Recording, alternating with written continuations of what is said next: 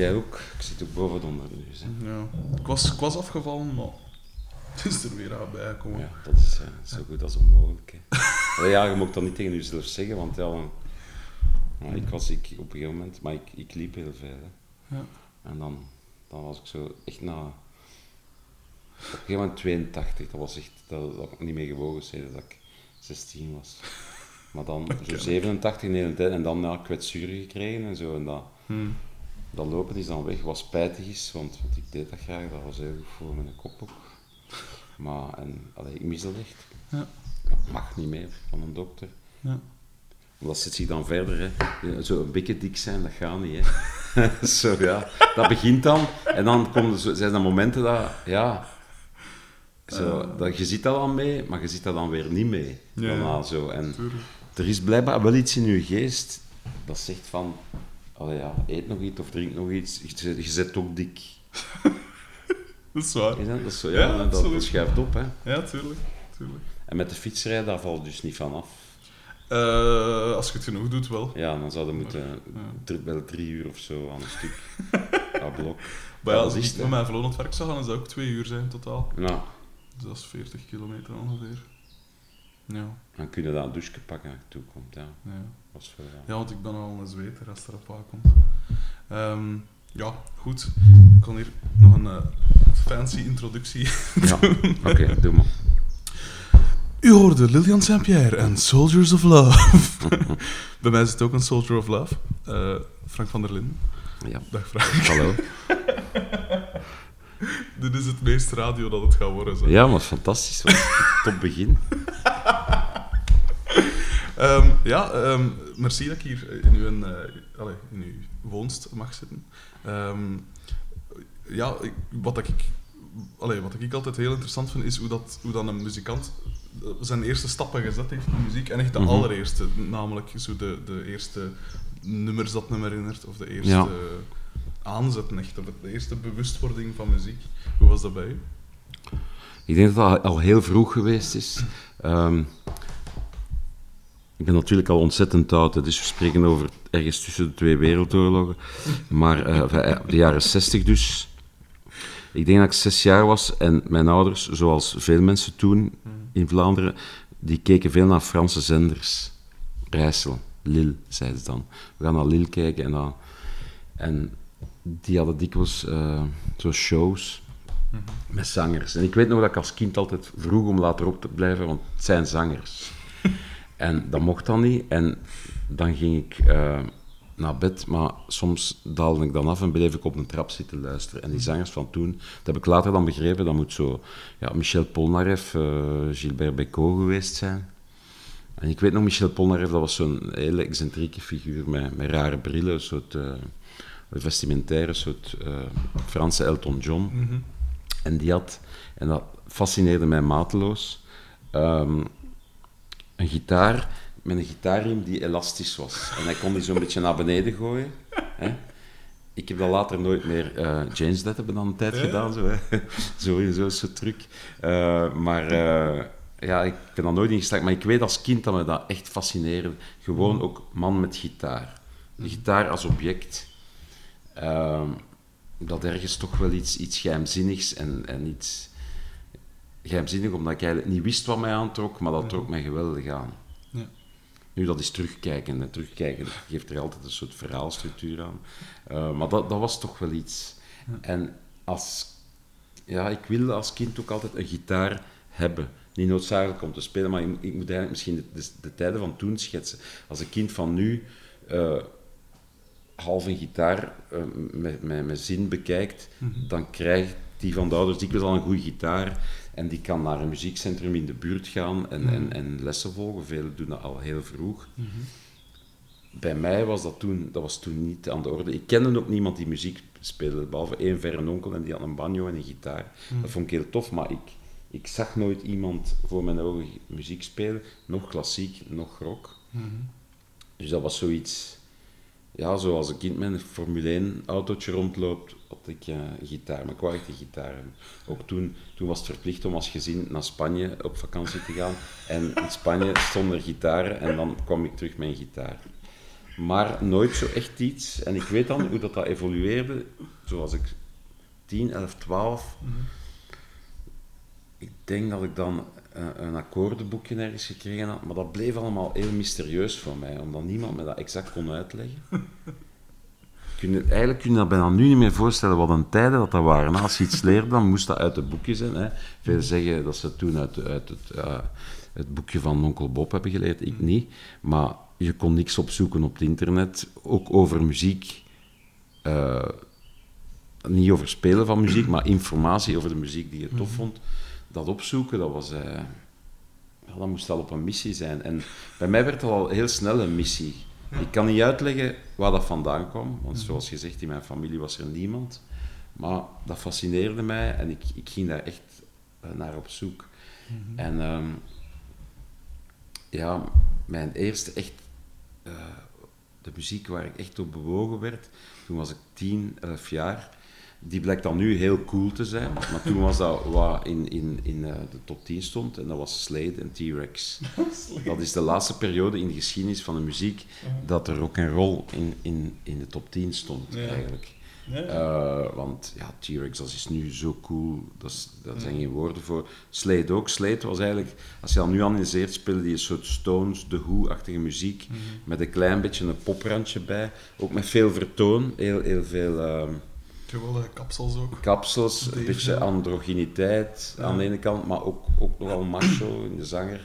Macho, de, de gitarist, androgyn. Mm -hmm.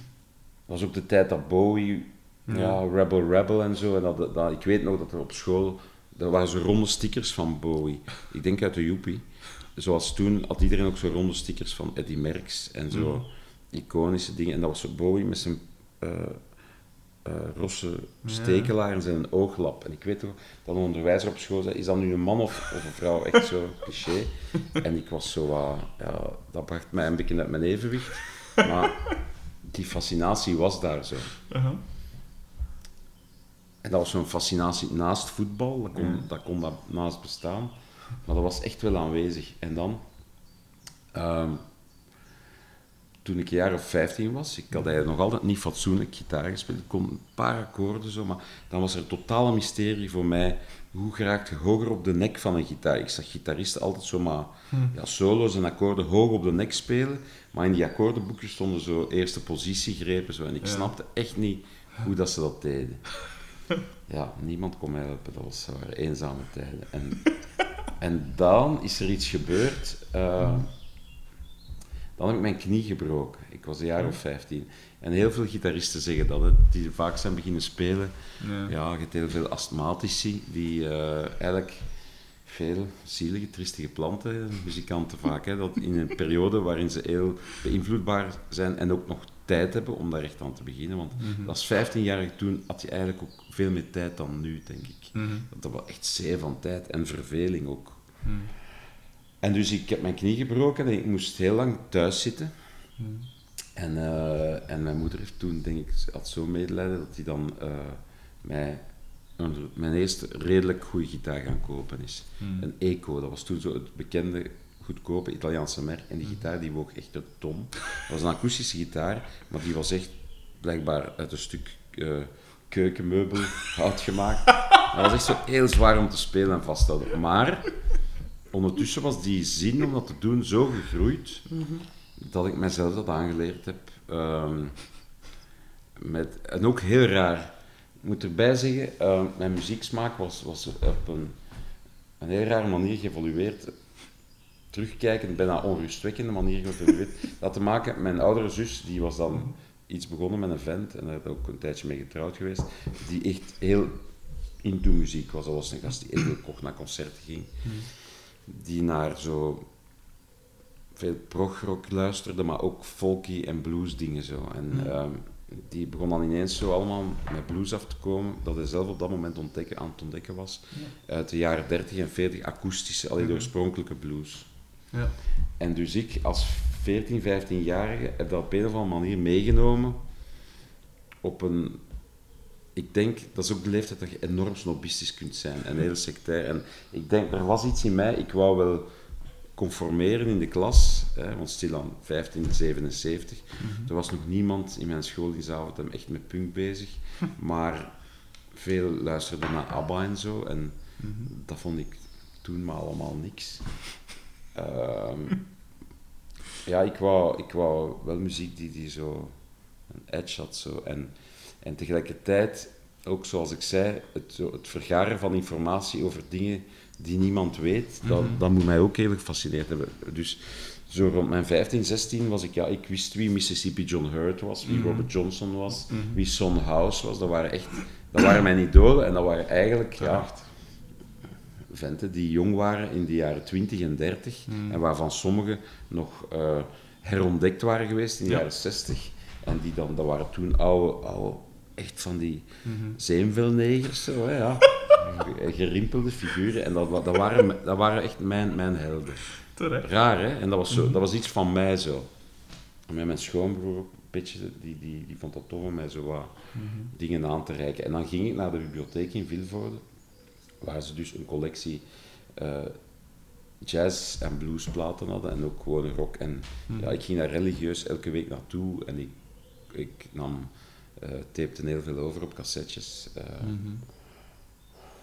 van merk Seiko, denk ik. Kostte 25 frank per cassette, dat was de goedkoopste. Die zijn nu helemaal verpulverd eigenlijk, die, daar kunnen niet meer naar luisteren. Eh, en ja, dat was... Enfin, dat is zo klassiek, hè. Die, die, die fascinatie, denk ik, nam gewoon toe door, ten dele door dat ontoegankelijke. Ja. Hè, nu, ik wil niet zo... Um, Bompa kan zeggen van ja, nu is dat allemaal niet zo meer, want er zijn geen geheimen meer, er is het internet. Dat is eigenlijk niet waar. Eigenlijk, er zijn meer mogelijkheden om dingen te luisteren. En inderdaad, je kan heel snel, als je toen Mississippi John Hurt wou horen, Ja, moest je ofwel dat gaan zoeken, ofwel er was één programma op de VRT, BRT toen, Losjes in de Blues heette dat. Ja. Dus uh, goede woordspeling, maar dat was, dat was eigenlijk een goed programma. Ik heb dan nog opnamen die zo... Ja, die deden zo'n Robert Johnson special. Zo, en dat was dan Max. eh, fascinerend natuurlijk om Robert Ja. Johnson, dat is echt een mythische figuur en die had Zeker. zogezegd con- een contract met de duivel afgesloten Ja. om zo goed gitaar te kunnen spelen. Ja, dat was een beetje een, een donkere wereld en ik zocht dat echt op. Maar ik had eigenlijk weinig contact, muzikaal contact met mijn leeftijdsgenoten. Tot er ineens een gast op school kwam en dat is dan 78 zeg, of 79, en die had een plaat van de police. En dat was zo, dan kwam heel snel de Jam, een beetje later de Cure en zo, maar de police dat was eigenlijk het eerste. En dat was, ik kan niet beschrijven hoe opwindend die eerste LP van de police voor ons was. En eh, dus dan was er ineens wel terug rock in mijn leven. Mhm. En Maar- wat, wat was het dan dat u zo aansprak in, in de police? Dat was snel, dat was eh, toch een beetje gevaarlijk. Nu, achteraf werd gezegd dat de police dat waren een beetje prefab punks. En dat was eigenlijk zo, dat waren eigenlijk toen al niet zo piepjonge muzikanten die, die geschoold waren, of die, die, die zelfs jazzrock hadden gespeeld, die, die heel cool rock hadden gespeeld met Kevin Coyne bijvoorbeeld, Andy Summers, de gitarist van de Police. En Sting, enorm talent natuurlijk, fantastische bassist. eh. En, maar die hadden een gewikste manager, hè, de, de broer van hun drummer, en die vond dat, dat ze best een beetje een punklook hadden, dus die hadden allemaal hun haar gebleekt en zo. En dat was inderdaad wel een goed pakket, maar muzikaal zat dat supergoed. In de zin, dat was, ik begon ook heel laat, laat eigenlijk, uit te gaan en zo voor meisjes belangstelling te hebben. Ik was toch wel al 16 jaar. Ja. En dan was op Vuiven, was dat, ja, eh, dingen zijn, Roxanne of, of ehm, So Lonely. En het toffe was dat die, die, eh, die nummers hadden twee tempo's. Hè. Dat was dus eerst een, een trage reggae beat en dan ging dat gewoon op dubbel tempo rock door. En zo op een vijf was dat toen zo, de ingewijden die wisten op welk moment het vertrok. Zo. Ja, ja, ja. En zo werkt dat, hè, fascinatie voor muziek. Eigenlijk is dat een beetje iets... Vaak is dat vanuit een soort negatieve motivatie van, ja, ik weet iets dat jij niet weet. Uh, ik ben mee. Uh, en zoals ik zei, als jonge mens eh, kan je daar enorm fanatiek in zijn. Blijkbaar is dat nodig om die focus te hebben. Mhm. En uh, ja, dan was het dat. Voor mij sluit sloot dat ook wel aan, want ik leerde kort daarna de, de Sex Pistols kennen. Mhm. En, en zeker nu, als je nu die riffs hoort, hè, dat is pure sleet. Hè. de intro van God Save the Queen, dat, dat, dat is echt een Slade-intro. Eh, en dat had te maken natuurlijk met dat dat ook de muziek van hun, hun eerste tienerjaren was. Dat had te maken met dat, dat, dat de Engelse punk in de bloemper- bloeiperiode opgenomen werd door engineers en producers die tien Tuurlijk, jaar ja, ervoor ja. die dingen hadden geëngineerd. Dus dat was echt die, die een Britse punk sound. Hmm. Ehm, ja. Maar ik speelde nog altijd geen elektrische gitaar, want ik had mijn akoestische gitaar en ik al snel begon ik dat redelijk te kunnen. Zo fingerpicking, blues. Ja. En had ik een groepje, en ik zal nu de naam daarvan onthullen, dat was Sakosh. Geschreven met SJ van achteraan. En dat was, eh, dat was een groep van drie personen. Eh, een klasgenoot van mij, die ook met die dingen dan toch bezig was, die luisterde zelfs meer zo naar jazz, Django Reinhardt en zo. En ik probeerde dat na te spelen, dat ging niet echt, maar we konden zoiets doen, zoiets swingachtigs. En dan was er één elektrische gitaar bij, dat was een derde gast, dat was eigenlijk het gitaartrio. De Spuit noemden we die, dat is eigenlijk zijn bijnaam. Eh, en die heeft zich later tot vrouw laten ombouwen. Oei, ja, dat heb ik onlangs vernomen. Ja. Ehm, was een fascinerende gast. Die speelde niet slecht gitaar, maar vooral die had een auto. Die was wat ouder. Want wij wilden heel rap gaan optreden. En toen ik 16, ja, 17 was, dan speelden wij met Sakosh eigenlijk op heel veel plekken, zo jeugdhuizen. Mhm. Ik weet nog, vraagprijs was 2000 eu- eh, euro, frank. Dus eh, ja, wat is dat? Eh 50 euro. Ja.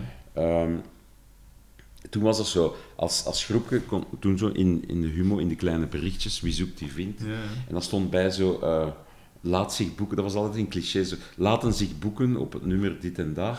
En vraagprijs 2000 frank plus verplaatsingskosten, dat moest er altijd zo bij. Ja. En dus in die tijd heb ik heel veel gespeeld met Sakosh, maar we waren echt niet goed. En, en dat was ook, ik herinner mij optredens waar mensen echt niet aan het luisteren waren, maar blijkbaar jeugdhuizen hadden toen altijd input nodig van dingen die niet te veel kosten en die ze interessant vonden. En ja, dat was eigenlijk al een beetje een zakcent zo, omdat Ja. we hadden nul kosten en we reden mee met de spuit in zijn mini. Echt net mini-mini, met, met drie daar helemaal in vol. En zo, dat was echt wel prutsen, maar toch een beetje proeven van wat het zou kunnen zijn. Ja. Maar tegelijk, en dat moet ik erbij zeggen, ik vond mezelf niet super getalenteerd en niemand vond dat ook blijkbaar, want ik werd ook niet gepusht om daar echt iets mee te doen. Eh, maar dat kan ook aan de tijden gelegen hebben. Ja. Dat is zo gewoon, ja, er was toen geen noise gate, geen tricks. eh, MOD, dat bestond allemaal niet. Eh, de muziekscholen, dat waren echt puur muziekscholen. En ik had een soort, een heel, ik heb altijd een heel, ik was eigenlijk altijd een brave jongen, maar ik had toch altijd een dwarslierstrek. Hè, bijvoorbeeld, wij woonden zo op de buiten, aan de rand van de Villawijk. En bijna al mijn vrienden van de wijk, die, gingen, die speelden tennis. En ik haatte dat, want ik vond dat, dat was echt bourgeois, zo, dat was, Ja. ik wou dat niet. Dus eh, ik, ik ging gaan shotten in het dorp en allee, dat vond ik tof. Mhm. En dat was, ik had altijd wel zo'n soort verzet. Ja. En dus naar de muziekschool, dat hoorde ook bij zo die posh dingen, zo eh, Mhm. tennis, muziekschool. Toen was er zeker, nu zijn er muziekscholen die ruimte hebben voor rock en pop en zo. Ja. Ik deed al meer als de ander, of beter dan de ander. Ehm, maar toen bestond dat niet, dus no way. Ik heb geen seconde in mijn, mijn leven les gevolgd, nog op muziekschool, nog privé. Ehm, en ik wou dat allemaal zelf zoeken. En ik, ja, dat begon wat te gaan, maar niet in die mate dat ik dacht van, hier kan ik mijn beroep van maken.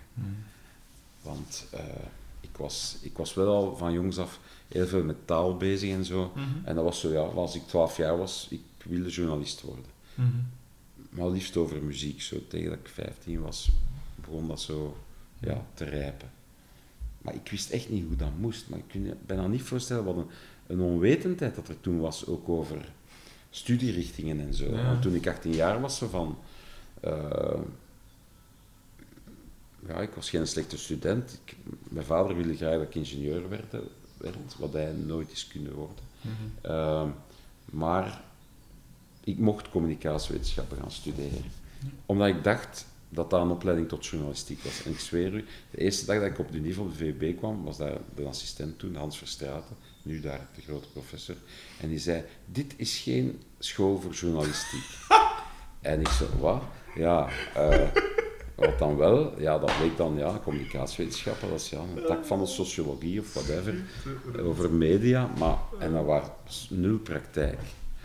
Plus ik was ook, ik was altijd heel verlegen. Ja. Om je maar te zeggen hoe verleden, dat is nu echt een heel diep droevig dierverhaal dat ik ga vertellen. Uh, op de VUB, uh, dat was toen de coolste unie die er was. Ja. Omdat die gebouwen, dat was dus, ik spreek over 1980, Mm. dat was tamelijk nieuw en alles was daar zo bunkerachtig.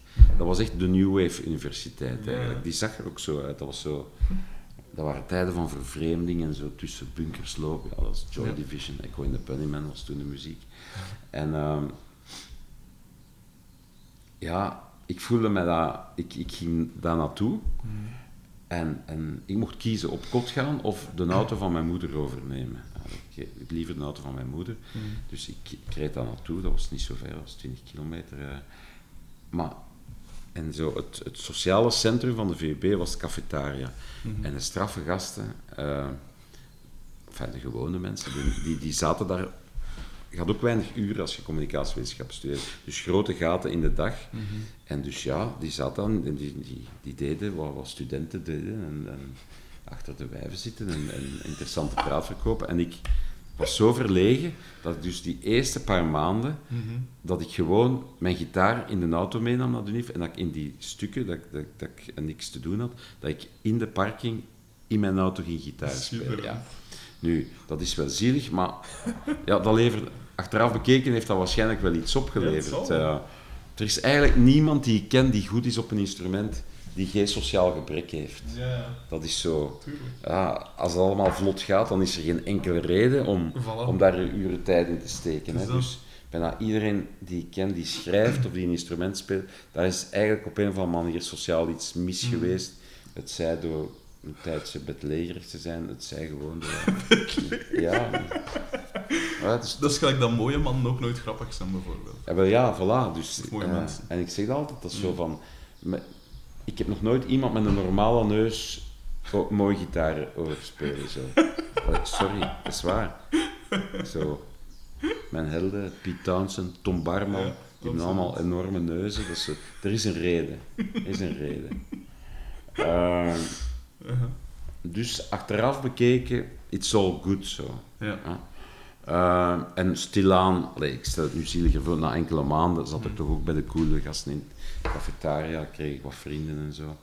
Ehm, en, ja, ik, Sakosh, dat lag dan zo een beetje op zijn gat, omdat ik zag, ja, dat, ik zat niet meer op school met die gast. Ja. Die ging wel ingenieur studeren. De spuit hadden we inmiddels echt buiten gesmeten, omdat we ondertussen zelf een auto hadden. Heel erg. Eh, en dan... En zoals ik het mij herinner, maar opnieuw, alles is, is een verhaal, een constructie in je hoofd. Maar ik denk dat is. Op, bijna op de eerste dag UNIF kwam een gast tegen met een rijkswacht snorken zo. Dat was toen de rijkswacht, de politie allemaal snorken. zo. Uh-huh. En eh, ik herkende die direct, die zeggen, je bent Michel de Koster. Hè? Ja, ik ken natuurlijk mijn naam niet, maar ik had daarmee in tweede studiejaar gezeten. Dus lang geleden. En, maar, en we hadden een tijd op dezelfde school gezeten, maar in verschillende klassen. En dan was hij naar verhuisd met zijn ouders, was hij naar een andere school geweest. Dus ik had die al eh, ja, zes jaar niet meer gezien, maar ik wist meteen wie dat was. En we zijn beginnen praten en dan bleek dat we alle twee muziek speelden. Hij had een soort new wave groepje. Heel veel door Police, The Jam en The Cure ook vooral beïnvloed. En dan heeft hij mij al heel snel gevraagd, hij had een zanger nodig. En ik begon toen zo net uit mijn echt pure snobistische, sectaire bluesperiode te geraken. En, en zo, dat waren toevallig dan de bands waar ik ook naar luisterde. Ja. ja. En, ehm, ja, en zo komen we in de gekke situatie dat ik nu ja, al 23 jaar professionele muziek speel met iemand die ik al eh, duizend jaar ken. Hè. Sinds Ja, ons zevende. Michel is vorige week 53 geworden, dus dat is officieel eh, zesen- eh, 46 jaar. Dat is echt mind-boggling als je Ja. aan denkt. Hè. Maar allee, dat heeft ook iets natuurlijk. Hè. Ja, dat is zo... Dat gaat, dat gaat echt terug. Heel ver terug. Ehm, ja. En die groep heette Nevermind. cool hè, jaren voor Nirvana. Absoluut. Het idee daar was wel Nevermind the Bollocks en ik denk dat de Bollocks dat dan niet durfde. Dus dat was Nevermind, die naam bestond al toen ik erbij kwam. En ik, ik ben dan begonnen daar zo wat liedjes aan te geven, want ik schreef eigenlijk al liedjes zonder het zelf te beseffen en heel slechte liedjes. En ik wist ook niet, dat was heel onbewust zo, maar ik had altijd zo wat iets, iets ook voor Sarkozy, toch altijd tussen de covers wat eigen nummers in niet zo goed Engels. En ehm, ja, dan begon ik ja, nummers te schrijven voor die groep. Maar nog eens, niemand van ons dacht daar ooit iets mee te doen dat in de verste verte zelfs semi-professioneel was. Dat was gewoon iets, ja, iets dat je deed, een hobby. En eh, wow, ik studeerde communicatiewetenschap en tot mijn eigen verbazing ben ik dan, ja, ik moest dat zelf allemaal een beetje regelen. Na mijn afstuderen moest ik naar het leger. Dat was ook zoiets nog. Ik was een, een van de laatste la- jaren van mensen die nog naar het leger moesten. En het leger was toen echt een groepenkiller. Dat was zo, heel veel bands zijn gewoon gestopt omdat eh, ineens zat een bassist in Duitsland en, en zo. Dat was heel moeilijk. Ja. En zo, bij Nevermind was dat ook ten dele zo. Eh, maar ook ten dele omdat ja, iedereen ineens een leven kreeg. Zo. Mm. Omdat je ja, dacht dat het zo moest. En, ja. En ik, ik, ja, vanaf 1986, ik was toen 24, na het leger, dan begon ik toch wat ja, minder verlegen te worden. Dat heb ik in het leger afgeleerd. In het leger kon ik journalist zijn. Ik, ja, ze hadden mij dan ingedeeld uiteindelijk bij Vox, dat is het blaadje van het Ja. leger. En dan zaten heel veel gasten die mij heel veel beïnvloed en geholpen hebben. Veel Franstalig, de later hoofdredacteur van Telemoestiek, de Oh, later een mooi. baas van Radio 21, die zaten allemaal bij mij. Ehm, zo, ja, dat zat zo allemaal, ja, dat waren mediatalenten blijkbaar, dan toch, veel hoor.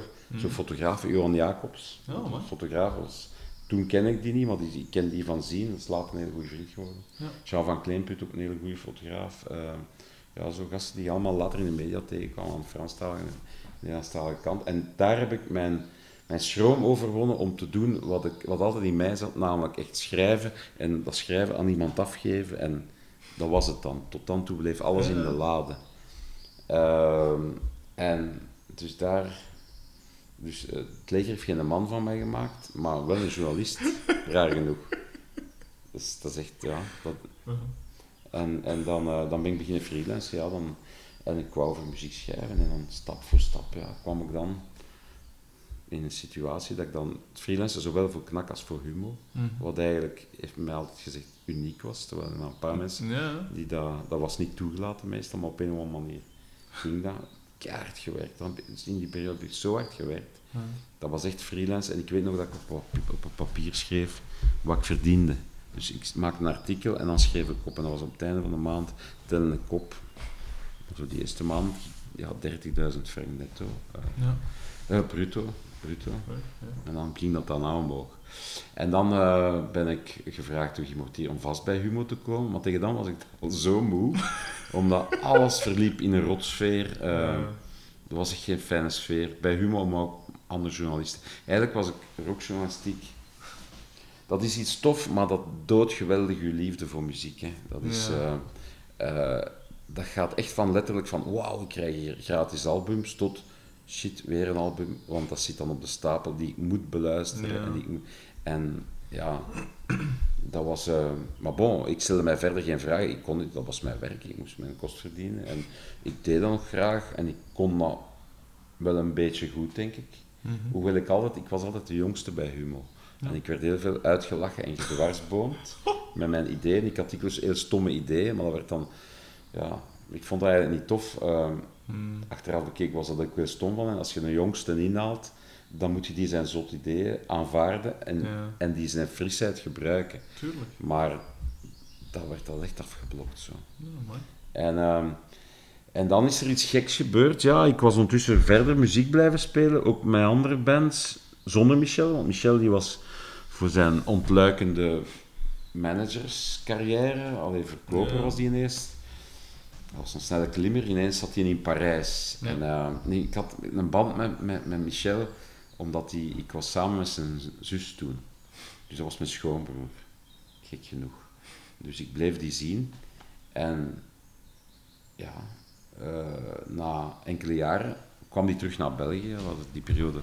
En die kwam hier en die kwam terecht in, in echt, dat voor hem iets schokkend geweest, in een nieuwe wereld. Want VTM was ondertussen begonnen. En ineens ziet het zijn tv op, die zegt VTM, die zegt tien om te zien. En dan moet een soort psychedelische ervaring geweest zijn. Ja, alle Vlaamse zangers waren weer uit de kieren gekropen. En die hadden toen hun hoogdagen. Hè, ja. Die waren blij en die stonden daar te blinken, letterlijk. En zo, die zeiden, wat is deze? En die, toen, letterlijk, citaat... eh, we beginnen opnieuw, er is zoveel shit, wij gaan daar onze shit nog eens bovenop leggen. en dan begonnen we zo wat, ja, demos te maken. En ja, op een of andere manier was dat beter wat we vroeger maakten, maar dat was nog in het Engels. Ja. Ondertussen was er wel een en ander gebeurd. Ik had zo, ook als journalist, de Keks leren kennen, de scene, Ja. Gorky. Ik zat in de jury eh, van de Rock Rally, waar Gorky en Noordkaap zijn uitgekomen. En, eh, en dan moet er een soort klik geweest zijn. Eigenlijk oliedom dat klik niet jaren voordien heb gemaakt. Ik was bezig met taal, schrijven, al Mhm. van kinds af. Ik las als een gek. Ja, ik schreef altijd dingen. En met muziek, maar op een of andere manier was ik overtuigd, zoals zoveel, ja, de taal van rock is Engels. En Mhm. mijn Engels was niet slecht, maar als ik die spullen van toen nu beluister, daar zat eigenlijk geen gevoel in, omdat ik Mhm. dat toch niet helemaal daaruit kon krijgen. En zo, dan heb ik gewoon ehm, ja, 1 plus 1 gedaan. En gezegd, wacht, ik ga eens proberen een Nederlandstalige tekst te schrijven Mhm. op een liedje. Come to my house heette dat. En dat werd Dit is mijn huis. Cool. En we demoden dat en dat was zo van, oké, goed. Nu, ik had altijd gebrek aan zelfvertrouwen. Ik dacht, oké, dat is daar. Plus, en dan moet je rekening houden. eh, Humo was toen nog, dat was zo, een periode net na Mark Meilemans bij Humo. Ja. Maar er was ook, er werd al meer geschreven in de kranten over rock. Maar toch, Humo was nog altijd de bijbel. Dus ik was Mhm. een Humo-journalist, die het, de gasten die het weten, Mhm. eh, die de rockrally jureren.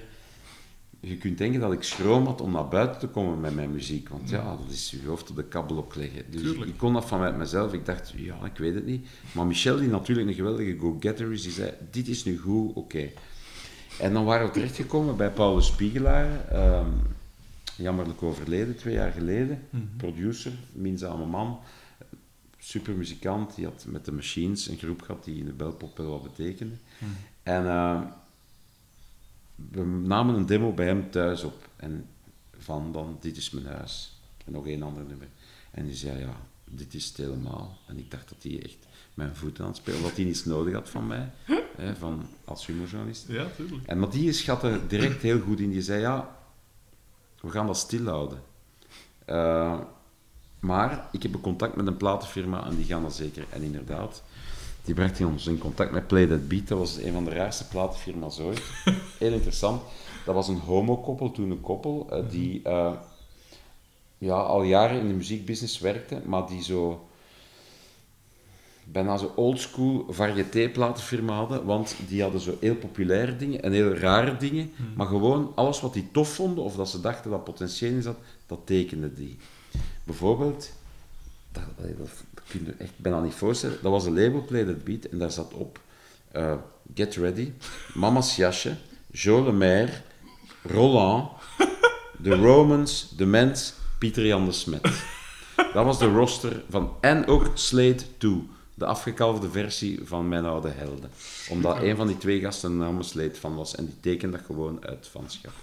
En dat was een platenfirma, die zei direct, oké, wij gaan dit groot maken.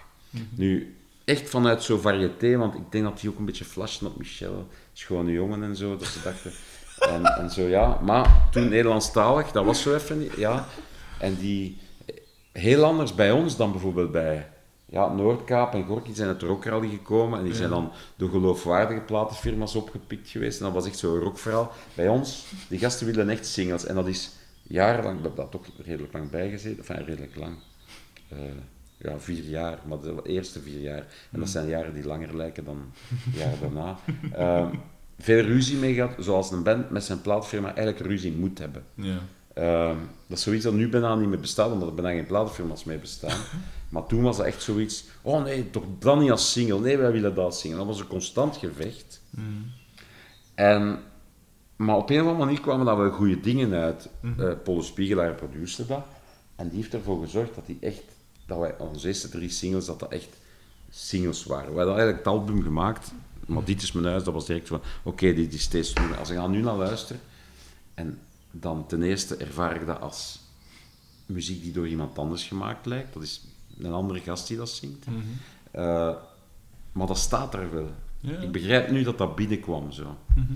En dat was ook de bedoeling van hoe dat hij dat produceerde, want ik wist, ik speelde nog niet zo lang eh elektrische gitaar en ik wist eigenlijk absoluut niet, je kunt lachen, ik had een strat en ik speelde altijd in de middenpositie met de switch, omdat ik eigenlijk niet goed snapte waarvoor die twee andere posities dienden. Ik zag zo niet de relatie tussen de pick-ups en... eh, nee, dus on the safe side, ik zet dat in het midden, alles open en ik speelde. Nu, ik kon wel goed gitaar spelen, redelijk, maar vanuit een akoestische ding. En ja, dat is een beetje ook wat, als ik een stijl heb, dat is een beetje mijn stijl. Ik heb niet leren gitaar spelen zoals andere elektrische gitaristen. Ik ben een akoestische gitarist die dan elektrisch is gaan spelen. Mhm. Dat op een of andere manier een beetje vertaald heeft. Ja. En ehm, ja, dus dat was een soort, de studio was iets mysterieus, maar Paul de Spiegelaar was onze gids daarin. Zo. En die heeft dat heel goed gedaan. Eh, en ja, die singles die sloegen aan bij Studio Brussel, was gigantisch veel gedraaid.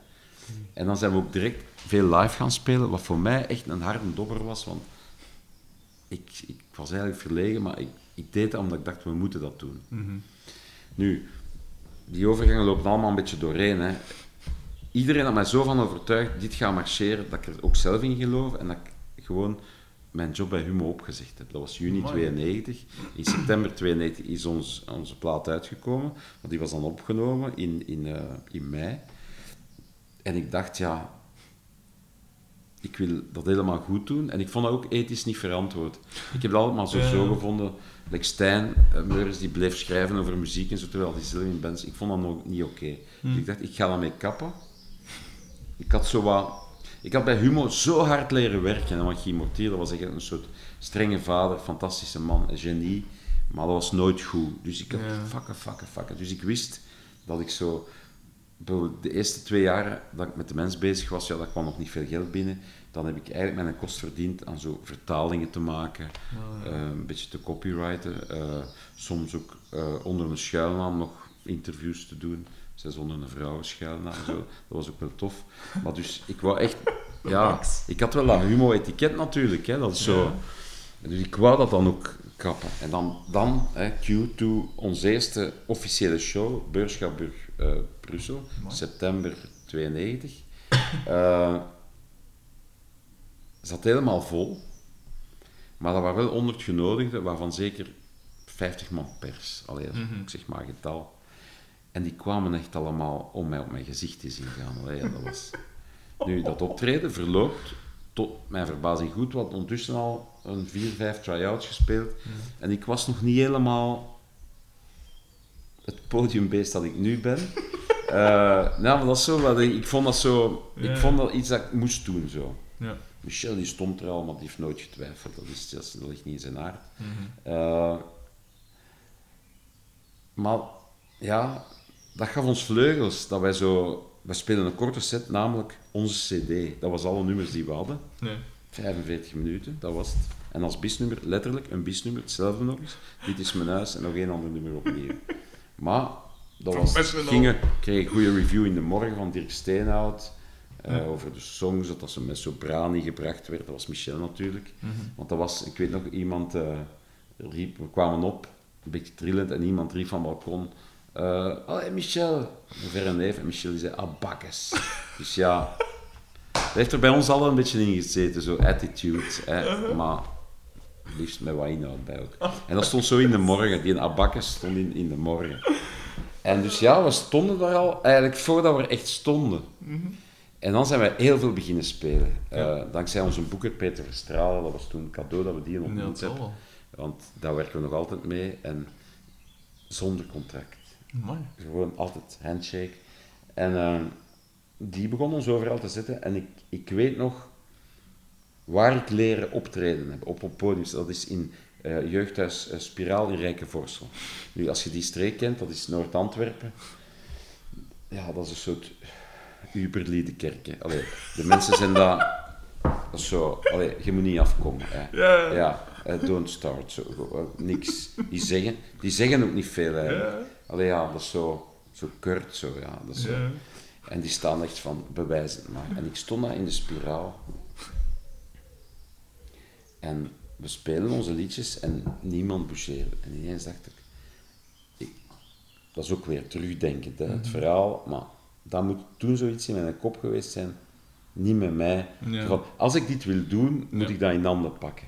En daar, ik voelde wat de nummers, en bij Dit is mijn huis, ineens begon dat te move, begonnen mensen mee te zingen, en heb ik dat echt meegepikt. Mhm. En toen heb ik beseft, als je dit doet, doet dat niet half. Er was iets, ja, ik was eigenlijk een, een, eh, een wimp, zo'n beetje. Ik had dat nooit, ik had wel altijd het opstandige in mij gehad, maar altijd zo stil verzet. Ja, door mijn keuzes in soorten muziek en, en maar eigenlijk altijd nooit een held zo. Nu, ik had wel een held naast mij staan, dat hielp. en dus we hadden dan een dat was toen Joost van den Broek, die was erbij gekomen. Mhm. Want eigenlijk waren wij eerst gewoon een project met twee en een ritmebox. Eh, en, en daar was dat echt zo, oké, we gaan dat doen. En dan, daar heb ik ook gezien dat, dat zodra de zanger attitude krijgt, krijgt het publiek ook attitude. Ja. En kan dat, dat, dat, dat er zoiets gebeurt, zo, die avond op dat moment. Ja. En nu, dat zal wel gaandeweg geweest zijn, maar in mijn hoofd was dat in Rijkenvoorsel. Bij die stugge Noord-Kempenaren eigenlijk. En ehm, ja, dan is dat zo verder geëvolueerd. En dan kreeg, kreeg je eigenlijk een soort... Een kloof tussen wie we dachten dat we waren en wie dan ons plaatfirma dacht dat we waren. Want die wilden altijd zo singles uitbrengen en onze liedjes hadden iets singelachtig vaak. Dus dat werkte wel. Enfin, dat waren radiohits, niet echte hits. Maar toen kon als rockband ook uw single gaan lippen op tien om te zien. Ik vond dat geweldig tof. Ik had er die dan niet wilde, maar ik vond dat geweldig tof, omdat dat, dat zat heel dicht bij eh, in de tijd voor de spiegel in Ja. de slaapkamer staan met een tennisraket en doen alsof. En dat was, dat was fun in backstage. Dat, dat ineens met het koor dat Anna Wiener begeleidde. En ineens zaten er twintig meisjes op onze schoot. Dat was, dat was tof allemaal. En, eh, Mhm. Maar dat was een andere wereld waarin we live begonnen. Want dat was eigenlijk meer het alternatieve circuit. Mhm.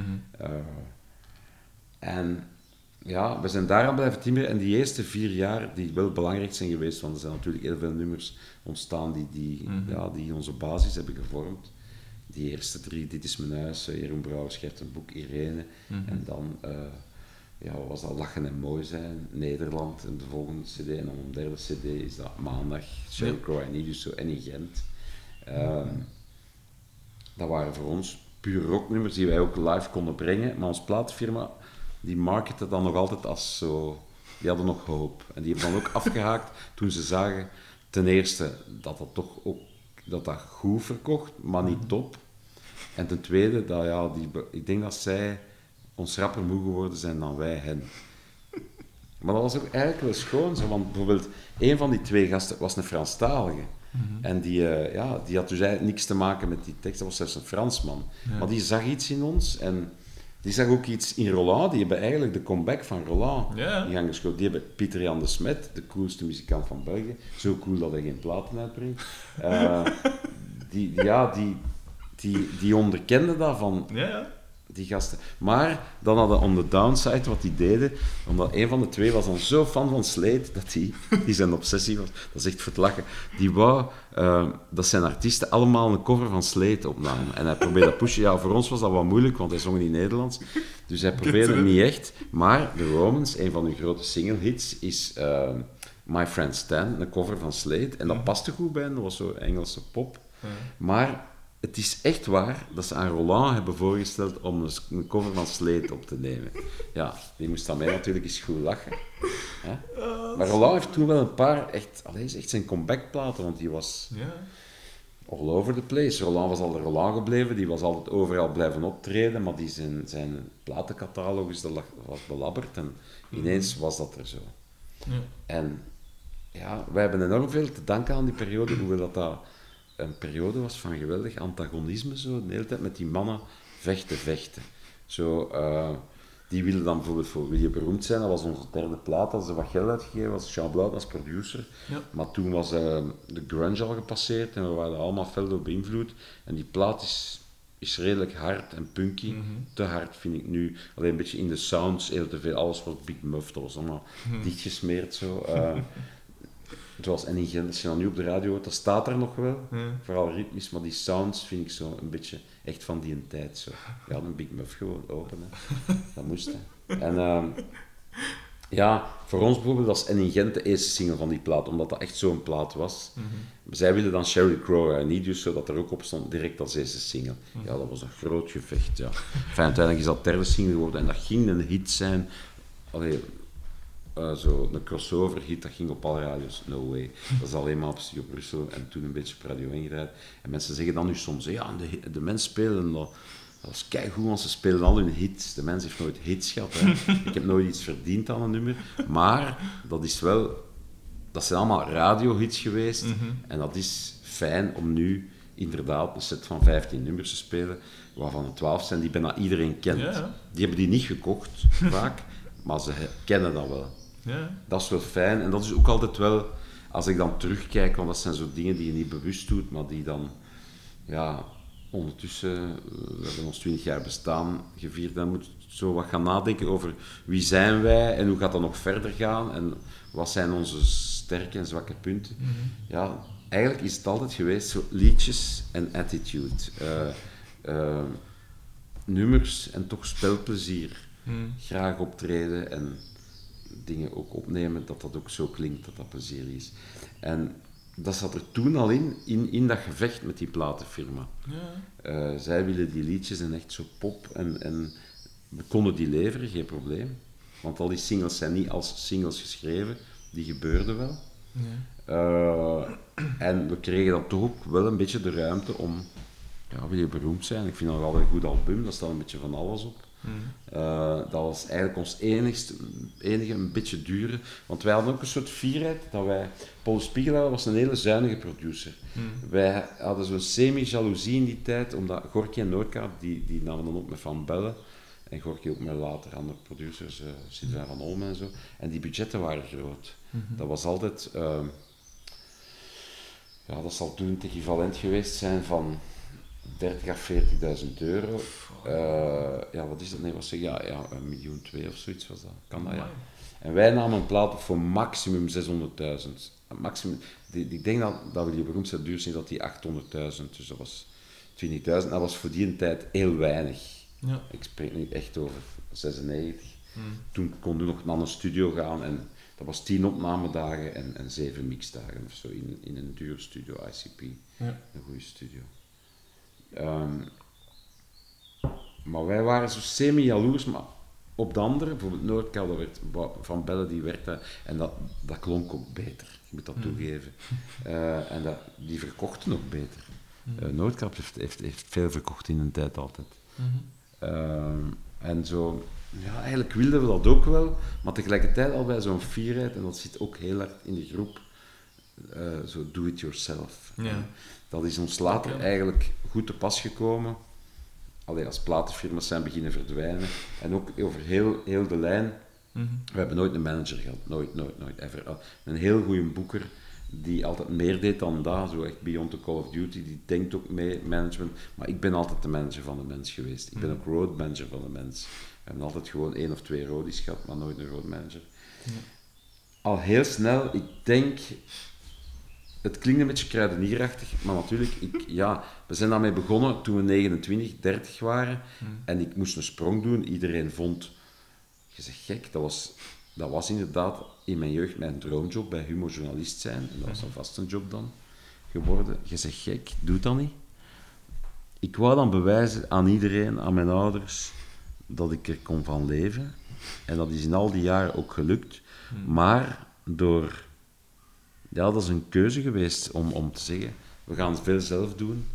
En dikwijls heb ik daarvoor gevloekt, dat ik dacht van, ja, als ik zo om acht uur s morgens achter mijn computer zat om van alle dingen te regelen, van ja, oké, een echte muzikant die ligt nu nog in zijn nest. ja, waarom doet... Maar dat was heel bewust op twee vlakken. Financieel, ja, dat is gewoon 15% dat je in je zak steekt. Mhm. En ten tweede ook, ik wil er niet zo tot het herbehoren van gasten die niet weten wat er aan de gang is, Ja. zakelijk rond hen, of die zich te goed voelen om een gitaar zelf te dragen. Mhm. Zo, ja, dat is een mentaliteit. Ergens dat ik bij blues- en jazzmuzikanten. Ja. Een bluesmuzikant is al, die zeggen ook, die spreken over een job. Een gig is eigenlijk Ja, ook een ander woord voor job. Ja, en zo, de echte groot, like Johnny Hooker, die keken op een horloge terwijl ze optreden, zo van hoeveel minuten nog. Ja. En van, ja, dat zat, voor mij was dat deel van het pakket. Ja. Dat bewijzen dat dat kon. En dat is nog altijd een trots die ik nog altijd heb. Mhm. Niet zo van, "Wauw, ik ben hier rijk van geworden en zie en la. Maar nee, ik heb het kunnen blijven doen en toch zonder toegeving. Mhm. Maar de toegeving is dan altijd geweest aan tandje bijsteken op het gebied van de praktische zaken. Ja. Eh, ja, ik heb wel later ook.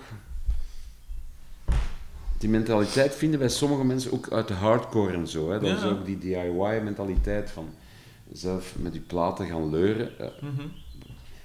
Amerikanen hebben daar minder, soms minder eh, res- reserves tegen dan hier. Eh, Een Amerikaanse groep die komen te toeren, die zeggen na het tweede nummer: If you like our music, you can check out our CD at the stand. Zo dat. Die doen dat gewoon. Hier is dat een beetje vies om dat te zeggen. Ja. Zo. Eh, maar omgekeerd bekeken vond ik het altijd gezond. Dat is, zo van, dat is wat wij doen en wij willen dat doen op onze manier. Ja, Mm. dus moeten niet like een gladde verkoper, want dat past ook niet bij wat je doet, maar gewoon Nee. zeggen: het is er, je biedt het aan, we werken er zelf voor.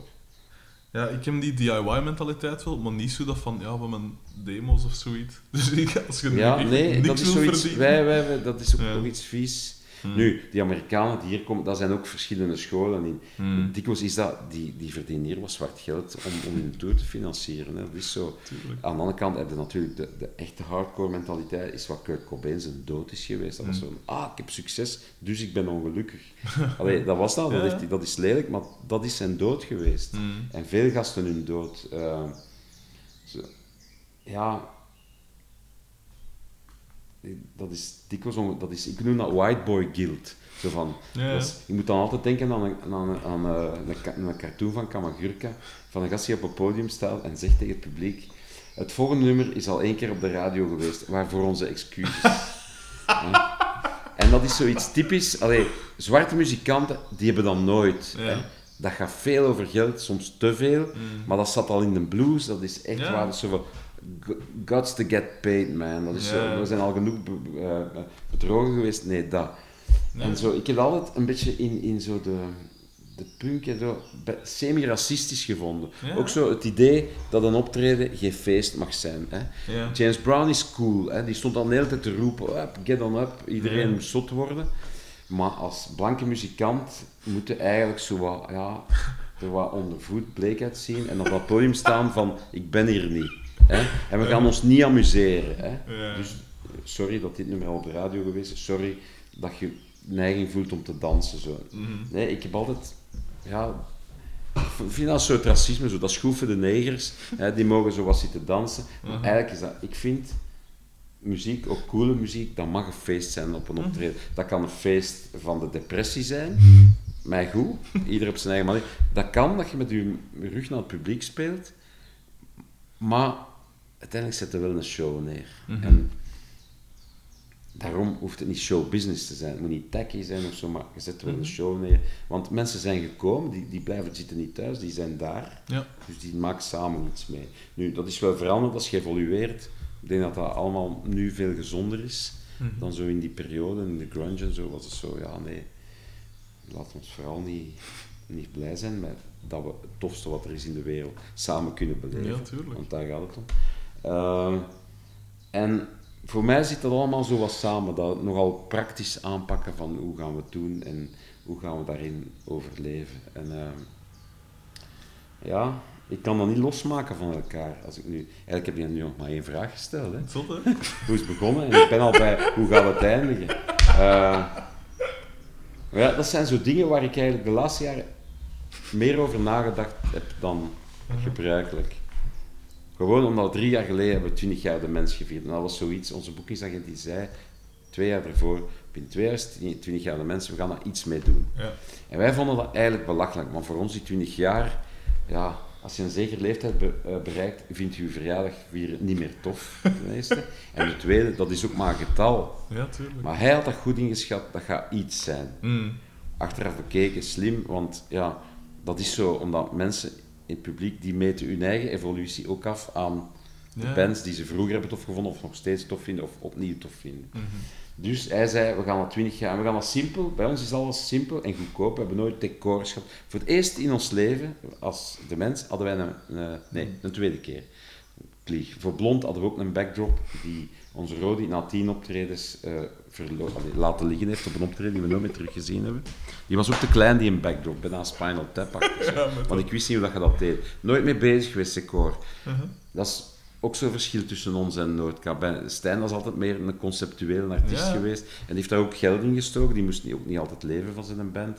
Dat was altijd met decor en mooie visuals. En bij ons, in een combinatie van dat niet kunnen, dat niet willen, geld aan uitgeven, maar ook...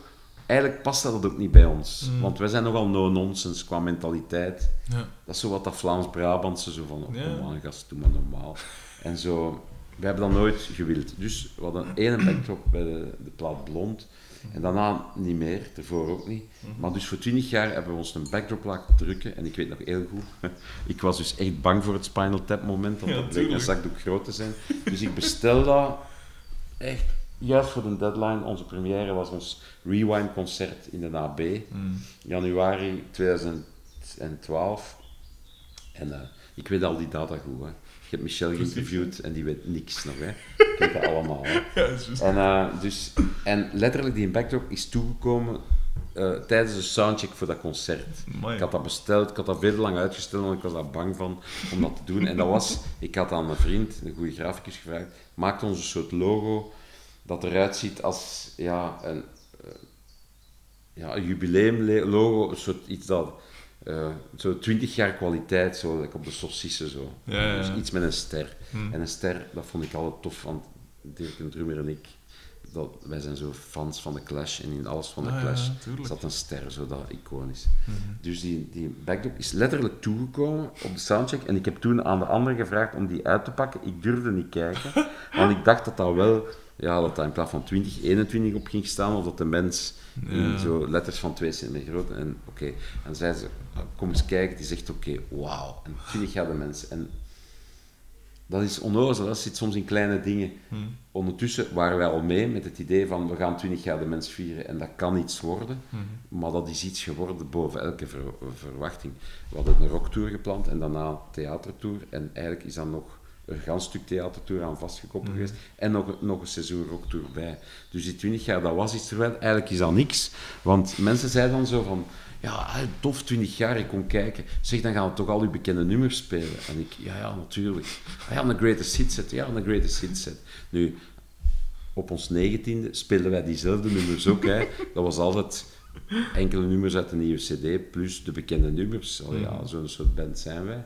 Eh, maar voor mensen was dat blijkbaar belangrijk om zo, ja, dat focus te geesten. En dat is, iets, dat is een soort nieuwe, een nieuw ding geweest. Een nieuwe Lease on Live of Elan, of dat, hoe dat je dat wil noemen in het Duits. Mhm. Ehm,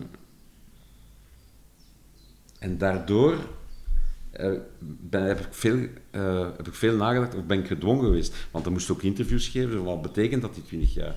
Begon ik nadenken over wat wij zijn, wie wij zijn. En dat is nu het, de uitleg die het voorbije uur gepasseerd is. En het toffe is, en eh, ik denk dat ik dat vroeger niet durfde doen, omdat er in, in rock en in het denken en het spreken over rock altijd zoiets is van, ja, je mocht het mysterie niet ontrafelen. Mhm. En ik heb gemerkt, vroeger al en nu ook, dat het eigenlijk onzin is. Hoe meer je weet over muziek, over je eigen muziek, over andermans muziek, Mhm. ook technisch. Sommigen zeggen, ja, ik wil niet spreken over hoe ik een liedje schrijf, of, of, eh, want dan is dat weg. En dan denk ik, ja, dat, dat vind ik enorm pretentieus. Ja, want dat houdt eigenlijk in, ik krijg het van de goden. Terwijl je kunt ook zeggen, een liedje dat is gewoon iets dat je maakt. Daar kan inspiratie, bevlogenheid in zitten. Mhm. Dat zit daar ook in, als het goed is. Uh, maar dat is ook gewoon iets dat je maakt met je handen eigenlijk en met je Mhm. kop. Uh, En ik merk ook, hoe meer ik over muziek weet, zowel qua geschiedenis, namen, allee, zoals elke veel muzikanten en elke muziekvriend, weet ik wie bas speelt op die plaat uit 1979. Uh, en ook weet ik welke apparatuur dat daar gebruikt is. Ik, ik, ik snap ongeveer hoe het nummer ineen zit.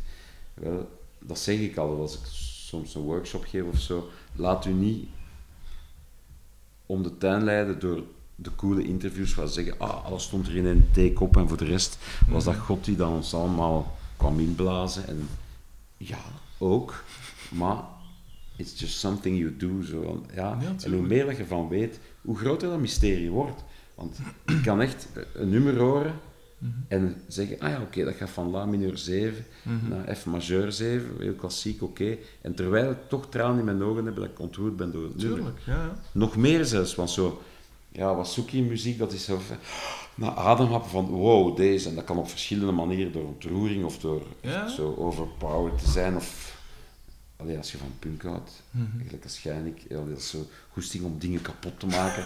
uh, en tegelijkertijd terug op te bouwen, zodat mm -hmm. die twee dingen, dat is echt iets dat je in je borst voelt. En mm. ik voel dat ook. -hmm. Terwijl ik kan zeggen van, ja, iets weten over hoe boekingen werken, maar ook de mechanismen van muziek maken. Dat wordt alleen maar mooier. En dat is ook hoe wij op het podium staan. Nu weer, de voorjaarstoer gehad. Mensen zeggen, maar hoe dat jij op het podium staat, dat is zo allee, speelplezier. En ik merk bij mezelf, dat is alleen maar toegenomen. Mm -hmm. Vanuit wel uh, het besef van eindigheid en sterfelijkheid. Van oké, okay, ik mag hier het liefste wat ik in de wereld doe, doen van die mm -hmm. mensen. Ik word daarvoor betaald.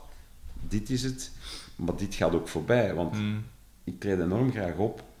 Maar optreden is, is uh, een zeer vluchtige vorm. Ja dat is alleen daar op dat moment.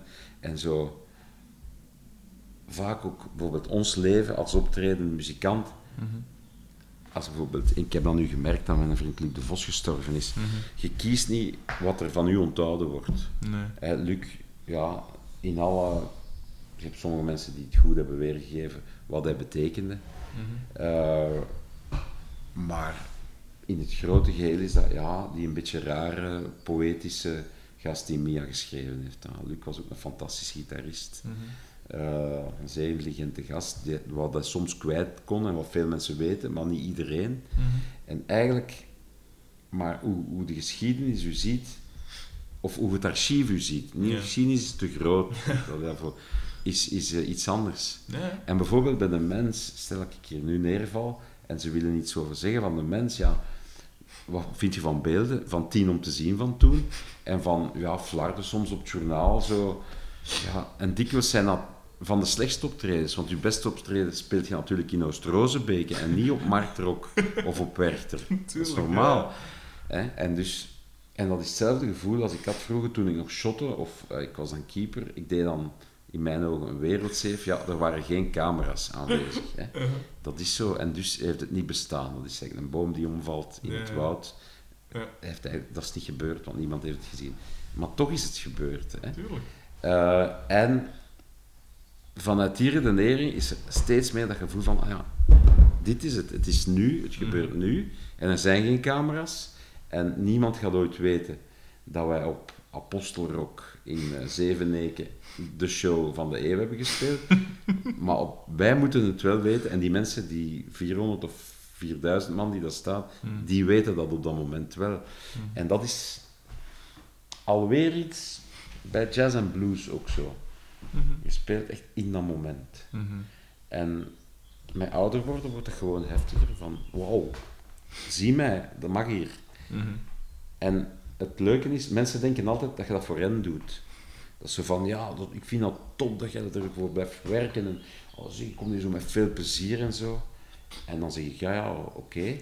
Maar eigenlijk, om heel eerlijk te zijn, doe dat voor jezelf. Ja. Want wat je erin steekt, haal eruit. Simpel. Mhm. Als je jeans verkoopt in een winkel, ja, dan maakt u, en je doet dat niet echt graag, maakt u jezelf ongelukkiger door dat te verkopen. Al uitstralend, ik doe dat niet Ja, graag. tuurlijk. Vind daar een beetje plezier in en dan begint dat leuk te worden.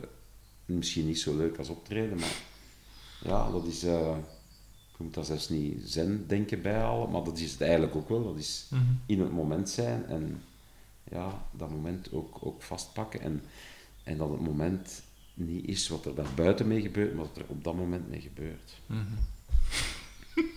Tweede vraag. Ja? Oké. Schitterend. Ja, hoe minder ik moet zeggen, hoe beter natuurlijk. Ja. Ehm, je- wat dat mij altijd opvalt aan de mens is dat je een heel eigen eh, vertelstijl hebt. Of allee, ik ben... allee, wij delen uiteraard een gebrek aan haar op ons hoofd, of Mhm. van boven. Ehm, maar we, we delen ook een, zonder twijfel een, een, liefde echt voor het, voor het woord en voor boeken Mhm. en wat is het allemaal. Hoe is, dat, hoe is dat gevormd bij u? Hoe zijn jij gekomen tot uw stijl? Uw vertelstijl? Het noodzaak voor een deel. Mhm. Want alweer, als ik dat dan rationeel bekijk, dat, is, dat heeft iets artificieels. Want hoe wij nu praten, dat is een soort ja, verkavelingsvlaams Ja. eigenlijk. Hè. Nu, door het feit van in het Nederlands te gaan schrijven, ten eerste kom je in een soort onontgonnen gebied. Want er was natuurlijk Kleinkus geweest, er was Raymond van Groenewoud geweest, Ja. Verminnen, Kreunerzoek, een manier. En eigenlijk als, als Vlaming, die meestal een heel rare relatie met zijn eigen taal heeft, Ja. moet je dus als zanger Ja. al een keuze maken. Hè. Dialect Ja. of tussentaal, jij of jij. En bij mij is die keuze geweest, ja, dat is eigenlijk Kreuners Nederlands. Zonder dat ik, de, want ik ben pas later eigenlijk gaan inzien dat de Kreuners heel veel goede dingen gemaakt hebben. Mhm. Maar toen was dat niet echt mijn ding. Maar dat is een soort algemeen Nederlands. Ja, dus eigenlijk algemeen Nederlands zonder te stijf te zijn, want binnen de rock moet je iets. eh, en Mhm. Gorky en Noordkaap was eigenlijk ook op die manier. Mhm. Eh, maar dat geeft wel een klein beetje iets artificieels. Ja. Maar niet veel, niet veel. Eh, want een Engelstalige, als die in Nashville begint met muziek, ja, dus dat is niet de vraag welk soort Engels moet ik gaan zingen. Ja. Die zingt zoals hij spreekt. ja. Nu, ik ben wel in het algemeen Nederlands opgevoed, omdat mijn ouders uit heel verschillende streken van België komen, dus dialect eigenlijk geen optie was thuis. Eh, en dat was ook voor hen uit de jaren 60 belangrijk. Zo, dat was, Ja, je kon een beetje, de Vlaming werd toen, zeker hier in de streek van Brussel, eh moest die, die opboksen tegen, zo, Mhm. ja, dat waren boerenvlamingen zo gezegd. En je kon je een beetje verheffen door zo wat beter Nederlands te spreken. En dat vond mijn moeder belangrijk. En kijk, ik ben altijd met die taal zo bezig geweest. Ja.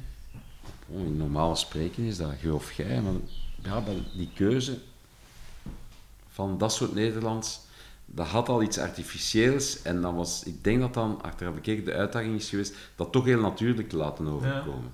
Ja, ja dan begin je zo wat manoeuvres te doen om dat te doen. Eh, Nederlands is geen gemakkelijke taal om rock in te spelen, omdat het zo'n redelijk hakkerig is van klanken. Mhm. Eigenlijk een soort Duits. Je moet daar wel in wezen. Het is zo, eerlijk gezegd. Eh, en bijvoorbeeld, ja, dat is ook een optie die ik moeten nemen heb. ehm, als oude bluesfan, ik hou niet van blues in Nederlands. Nee. Alle jazz en blues in Nederlands heeft snel zoiets reclamemuziekachtig, zoiets doobie-doo-achtig. Ja. En er is maar heel weinig Nederlandse muziek die ik, Nederlandstalige muziek die ik goed vind trouwens. En heel veel dingen die zo wat bluesachtig zijn. Ik krijg daar gewoon koude rillingen van, maar niet de juiste koude rillingen. Ja, dan moet je die klanken gaan rekken en zo wat gaan neuzelen en zo. Nee, eh, voor mij was goed dat er een ander deel dat mij muzikaal aanbelangde, dat was dat wat afgemeten, kortaffen van de new wave punkrock eigenlijk. En daar gaat dat goed in. Zo iets een beetje kefferig zo. Ehm, en daar ja, dan vind je een taal. Ik zeg altijd bij wijze van mop, ja, niemand merkt dat wij al twintig jaar de Cure naspelen. Omdat wij in het Nederlands zingen, moest dat in het Engels gebleven zijn, dan zouden wij misschien een Cure-imitatie geweest zijn. Of de Clash en zo, dat zit ook wel allemaal in onze muziek. Ja, dan is er zoiets ontstaan door teksten belangrijk te vinden en ook niet belangrijk te vinden. Zeker in die eerste jaren. Voor mij, kleinkunst, dat was de muziek van mijn oudere zus. En ik, ik gruwde daarvan. Ik ben dat pas later sommige dingen leren appreciëren. Maar toen was dat echt een bewuste houding van... Het mag geen kleinkunst zijn. En dat was een scheldwoord. En eh, ja, dan vind je op een of andere manier... Wordt dat dan zo'n eigen taal Mhm. waar dat je mee kan gaan werken, waar dat je dan na een tijd ook begint te zien, dit zijn de clichés, eigen clichés. Je hebt ze zelf uitgevonden, maar ik kan het toch een beetje oh, ben altijd wel mee bezig geweest. Eh, en ik denk ook altijd heel zuinig. eh, ik ben niet zo iemand die eh, elke dag een nummer maakt. Altijd redelijk gericht. En allee, het is mijn observatie dat heel veel muzikanten die zo hun eigen studio hebben en die zeggen, ik maak elke dag een nummer, die maken elke dag ook hetzelfde dat wil ik niet. Ik wil, dat is zo, ik smijt heel veel weg. Ja. En ik, eigenlijk, mijn tekst, dat is wat overblijft als ik, als ik bijna zeker ben, dit is, dit zit goed en dit is cool. Want dat is altijd zoiets geweest, zo, zo uncoole dingen. Weet je, in het Nederlands kunnen zo van die teksten maken. eh, en dan vrijen we tot het ochtendlicht, onze lijven likt. Allee, zo zijn Ja, er veel liedjes. En dat zijn zo dingen van, ah, dan krijg je echt gewoon... Ja, je haar staat recht op je armen, maar not in a good way.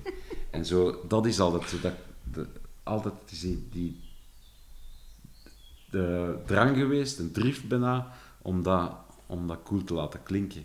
En ja, daar gaan werken eigenlijk. En ook, ik heb eigenlijk nooit geschreven zo op een blad een liedje. Altijd met gitaar of op repetitie, dat is altijd ineen. En dat is een heel eh, arbeidsintensief proces, maar op termijn. Want ik vind, als ik zou uitrekenen hoeveel uren per week dat ik echt met muziek bezig ben, dan, ik vind dat soms erg, hè, want ik ben zo wat part-time huisman, ik zorg voor de kinderen, ik ben laat vader geworden, dus die kinderen pakken veel geld, dus ik ben eigenlijk per dag misschien een uur met muziek bezig, Aha. in het beste geval. Op een of andere manier lukt mij dat dan toch om, om heel gericht te werken en dan bijvoorbeeld ja, onze laatste platen, die wordt dan overal ingehaald als onze beste ever, wat heel raar is, dat is zo 22, 22 jaar voor niks gewerkt. Eh, maar goed, ik vind die ook goed. Misschien daarom niet de beste, dat laat ik in het midden. Mm. Maar die nummers dat daarop staan, dat is echt wel wat er overblijft. Na, niet van 80 nummers dat ik gemaakt heb, maar van aan 80 nummers begonnen. Ja. En je zegt, oké, dit is het niet. En ik. soms, en dat is het toffe aan songschrijven, dat is eigenlijk een geweldige stil voor luieriken.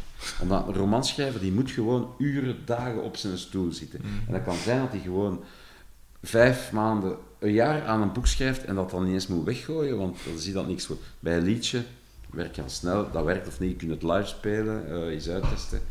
Ja, dat is, dat is heel tof en dat past bij mijn eigenlijk redelijk ongeduldige natuur toch ook. Mhm. En ook bij mijn leven, zoals ik het altijd gehad heb, ik heb altijd, ja, door ook die praktische dingen van de band te doen, ehm, ja, nooit zo acht uur aan een stuk of ook nooit gans dag in mijn bed gelegen met een joint om de inspiratie te laten komen. Dat is nooit dat geweest. hoor. Dat is altijd heel praktisch to the point geweest.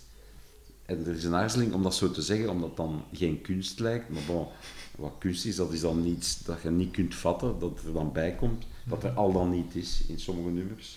Eh, maar zo dan nogal praktisch gerichte.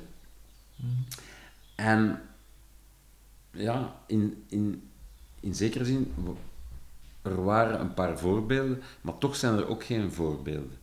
Ehm, tenzij misschien buitenlandse voorbeelden.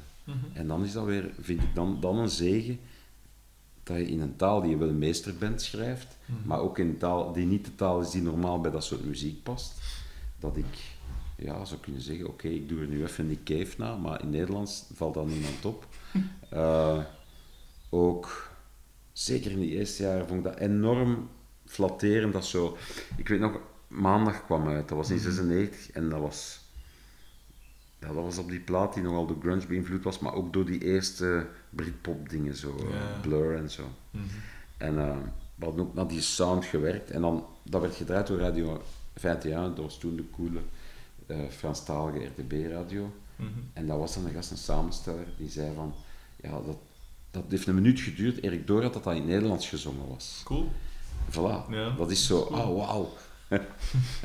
Terwijl, ja, vroeger zou dat een soort belediging geweest zijn, Mm. vroeger ging dat vaak om verstaanbaarheid en zo. Ja. Ja, nee, de muziek, de muziek is altijd Anglo-Saxisch geweest en de tekst Nederlandstalig. En ik denk dat dat het verschil heeft gemaakt altijd. Ehm, ik heb nog nooit zo een liedje geschreven eh, in de zin van ik neem een blad en ik ga iets schrijven over die blaren die van de, mijn notelaar hier vallen. Zo. Dat is, dat is ja, omdat ik weet en aanvoel dat de muziek die ik zelf altijd goed gevonden heb, dat die niet zo gemaakt werd, maar die, dat zelfs Engelstalige vaak niet wisten wat ze aan het zingen waren, omdat ze de spontaniteit en dat, dat zo, Ja. die, die, ja, dat rare toelieten. Zo, eh. ik was heel zware fan, ook in die periode van R.E.M. Mhm. Niemand weet waar de tekst van R.E.M. over gaat, maar toch heb ik het gevoel Ja. dat ze iets zien Ja. dat maakt iets los zo. En dat is ook iets wat... Ik merk dat nu, als ik bijvoorbeeld... Ik, ik heb eh, ook een paar soloplaten gemaakt, Mhm.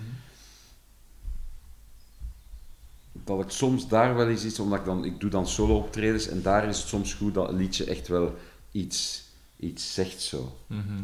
Soms niet te veel, want ik, ik hou daar niet van, van zo'n liedjes die een af, afverhaaltje zijn. Zo. Ja. Het moet, opener zijn.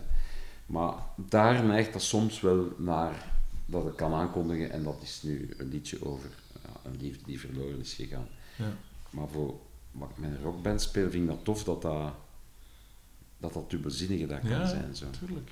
En in Gent, wat gaat dat over? Ja. Waarom is dat ook en in Gent? Hmm. Allee, dat is gewoon omdat ik, repetitie, da da da, da da da, da. Dus ja, waarom en in Gent, ja. Maar dat is dan grappig, dat, dat, dat je dan op een manier vindt, dat, dat je dat dan mee wegkomt. Ja. Dan bijvoorbeeld de eerste, eerste eerste CD van Tof van Commerce, dat heette En in Isegem. Dat was een Ja. soort knipoog naar En in Gent. Maar als je daarbij stilstaat, is dat absurd. Iets dat ik gewoon op repetitie Ja, maar snel toegevoegd heb. Maar dan is dat wel iets. En dan, ja, als er iets is wat, dat, dat ik denk dat mijn werk uitmaakt als liedjeschrijver, Mhm. is proberen er zo, het zo aan te sleutelen of het zo te kiezen dat iets dat niet voor de hand ligt, toch voor de hand liggend lijkt. Ja, tuurlijk. En soms, ik denk dat ik er soms ook naast gezeten heb. Maar het voordeel is van lang bezig te zijn dat, dat eh, de liedjes die blijven, die, ja, die gaan dan zo los bestaan en dan, dan is dat zo. Ja. Bijvoorbeeld, ik weet ook nog, we hadden dan eh Sheryl Crow en dus zo, alweer die plaatfirma zo van, ah, moet die een Engelse zin daarin? ja, oké, goed. En dan, daarna wordt dat iets. Dat is ook belachelijk, hè. Zo, dan zitten nog een paar Engelse zingen in dat liedje, maar op een of andere manier past dat wel. Mhm. En ja, ik denk dat als ik al iets kan, dan is dat die keuzes maken, muzikaal en textueel.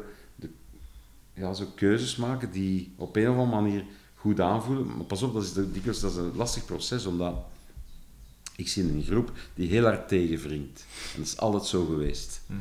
Eh, en dat is ook mijn redding geweest. Eh, zo de persoonlijkheid van Michel bijvoorbeeld, dat is mijn redding geweest bij het optreden. Mm. Ik was te gesloten, hij heeft het extroverte in mij naar buiten gebracht. Mhm. Eh,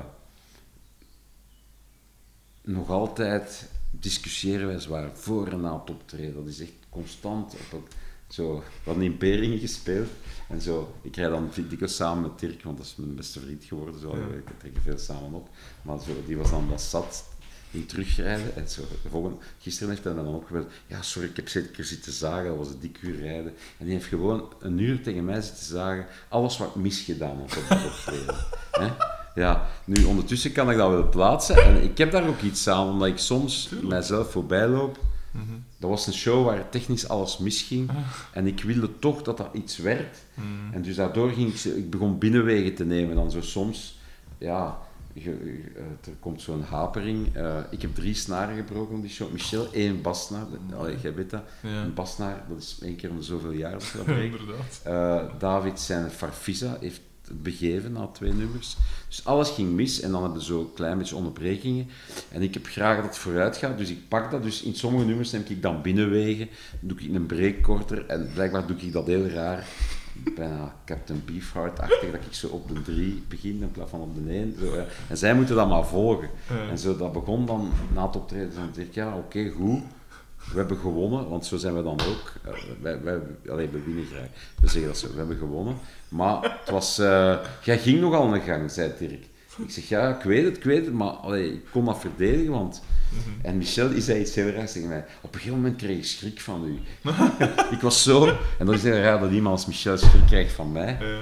Eh, maar ik weet het, ik was dan te intens. Ik wou echt zo daar en ik heb mijn stem kapot gezongen.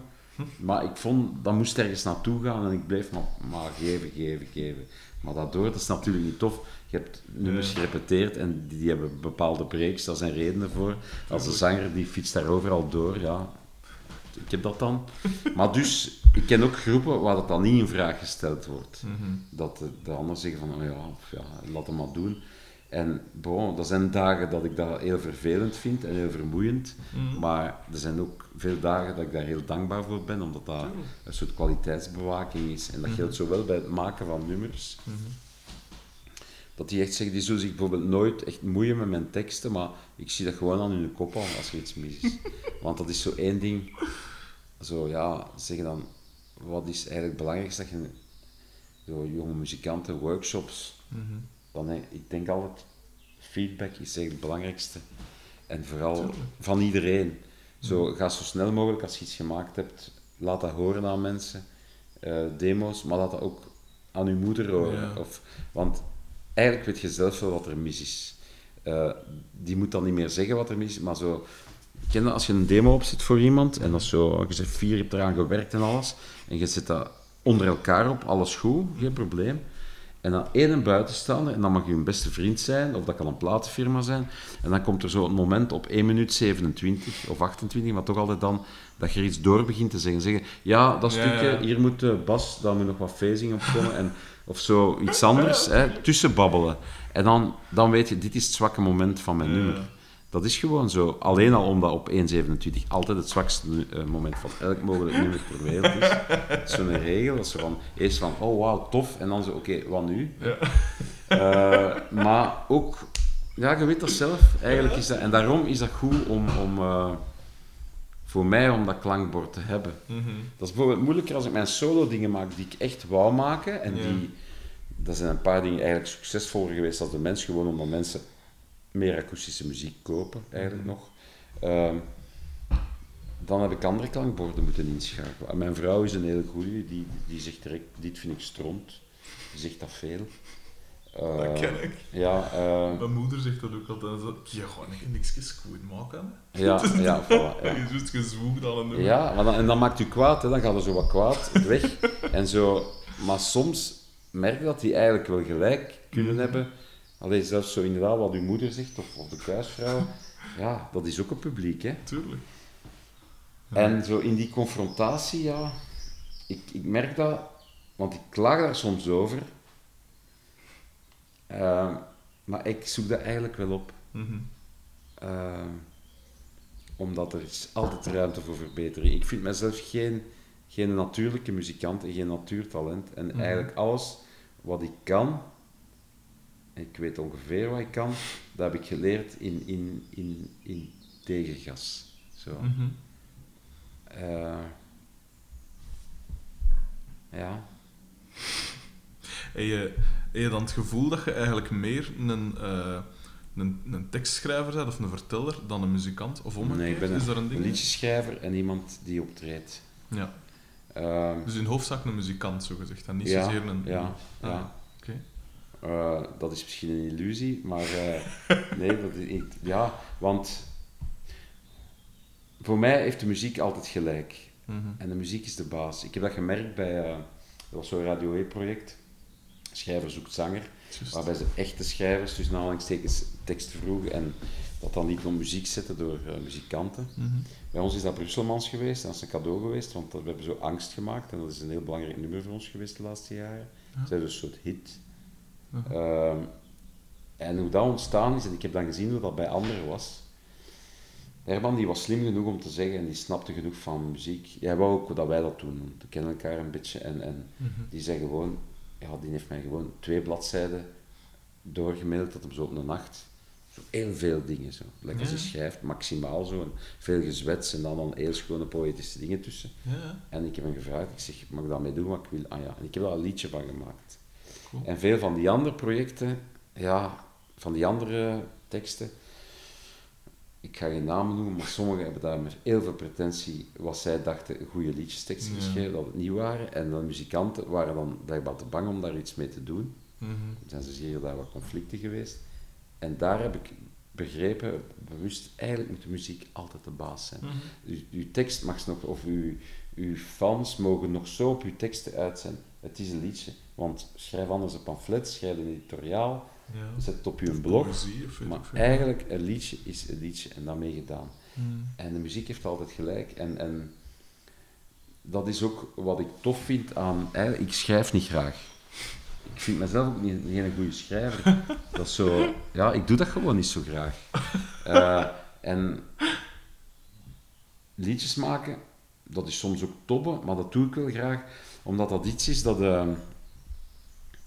eh, waar de verschillende elementen elkaar kunnen helpen. Mhm. Als ik zo vastzit met een tekst, geen probleem, dan werk ik wel aan de brug, de muziek daarvan, Ja. of zelfs aan, de opname, hoe dat gaat klinken. Mhm. En alles is voorlopig. Ja. Hè. Er mogen nooit dingen uitkomen die niet af zijn, want dat is rampzalig. Tuurlijk, ja. dat, eh, zo, joer noemen ze dat, hè, zo voorlopige tekst. eh, Mhm. Maar ook voorlopige muziek. En, en zo, ja, als ik meteen vastzit, kan ik met het ander. En bijna al mijn liedjes zijn ofwel begonnen op repetitie met de jammen. Mhm. Dat kan een nieuwe CD, dat is gewoon.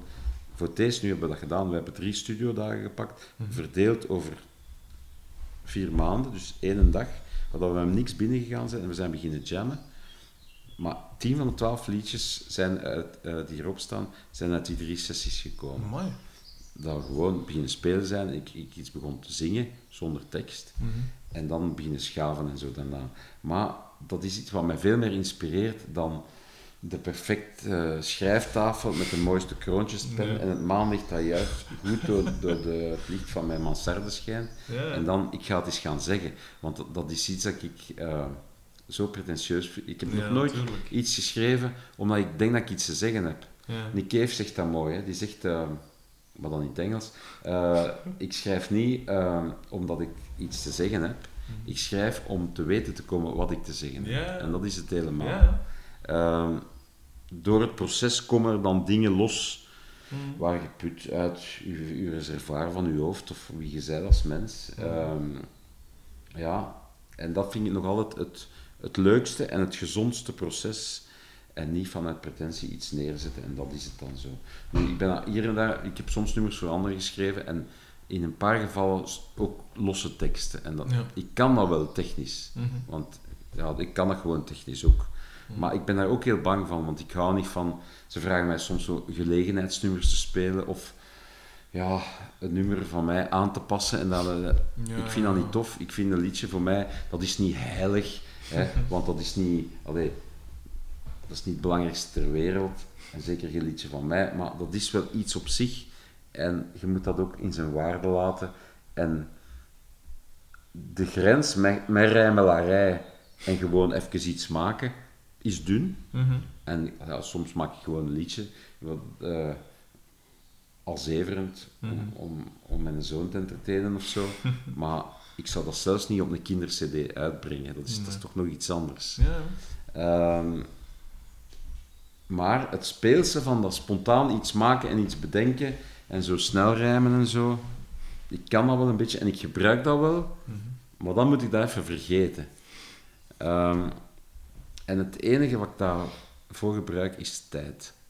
Dus het, domste wat ik kan doen is een liedje schrijven en dan denk dat af is en morgen opnemen en uitbrengen. Ja. Dat is alles wat ik doe. Omdat ik zelf, ik, ik ben, maar dat is mijn natuur ook, ik ben redelijk traag van natuur. Traag, traag van begrip. Ik ben dus wel een diependenker, hè? laat dit duidelijk zijn. Maar eigenlijk heel traag en zo. Er dingen door heb. Dat echt. En mijn geluk is dat ik een vorm heb gekozen die daarbij past. Mhm. Eh, dat liedje schrijven. Want, allee, laten we wel wezen, eh, om zo te, allee, aan iets goed te blijven doen, moet, om twee, twee jaar een album maken, dat zijn twaalf liedjes, dat zijn twaalf teksten, dat, zijn twaalf bladzijden. Wat is dat? Dat is niks. Oké, je moet wel de juiste keuze maken en het is vaak toppen. Ja, wat ga ik hier kiezen? Maar er is ook een soort vertrouwen van dat het wel zal aangereikt worden van waar dan ook, of uit mezelf komen, een oplossing die aanvaardbaar is. Soms zijn er nog liedjes en er soms nog zinnen zegt van ja, oké, dat... En het voordeel is dan wel dat je veel en graag live speelt, is dat ik, dat verander dikwijls nog dingen live. Ah, ja. Oké, en de officiële versie, alweer de archiefversie, is dan niet de versie voor mij. Mhm. Ik heb dat gemerkt bij de 20 jaar tour. We eigenlijk eens als, als oefening, dat was begonnen bij Rewind te doen voor AB, dat je je debuut eh, of je doorbraakplaat helemaal moet recreëren. Wij willen dat goed doen. Eh, dat is ook de reden dat we toen een keywordspeler hebben aangeworven. Eh, niet zoals Michel zegt dat hij ineens gewoon was. dus dan zei David Potter, die gaat die keyboardspartijen, die toen een sessiemuzikant heeft gedaan op die plaat. En, we, en ineens beseften wij dat we heel veel van onze nummers, die wij al jaren speelden, verkeerd spelen. Niet zoals ze op plaat stonden. Dan zijn we teruggegaan, en dus dat, dit is heel belachelijk. Irene, hè, ons bekendste nummer, dat speel, hebben wij dus eh, ja, 17 jaar verkeerd gespeeld.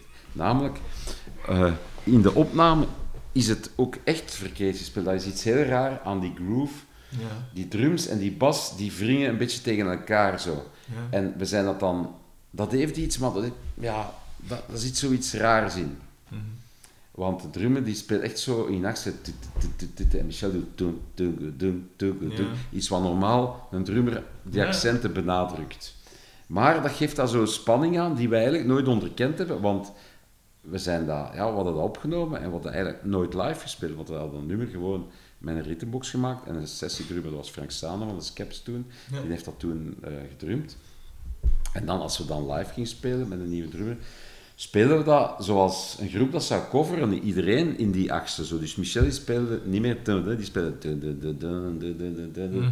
En dus toen, met die 20 jaar in Rewind, ja, we luisteren, dat ik zeg maar, luister. En dan hebben we dat.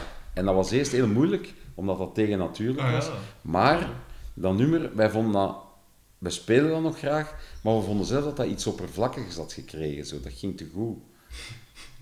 En dus eigenlijk hebben wij ja, 18 jaar de mensen in het zak gezet. Hè. Zo, ook tof, hè? Dat, eh, ja. Maar ja, soms zijn dat zo kleine dingen.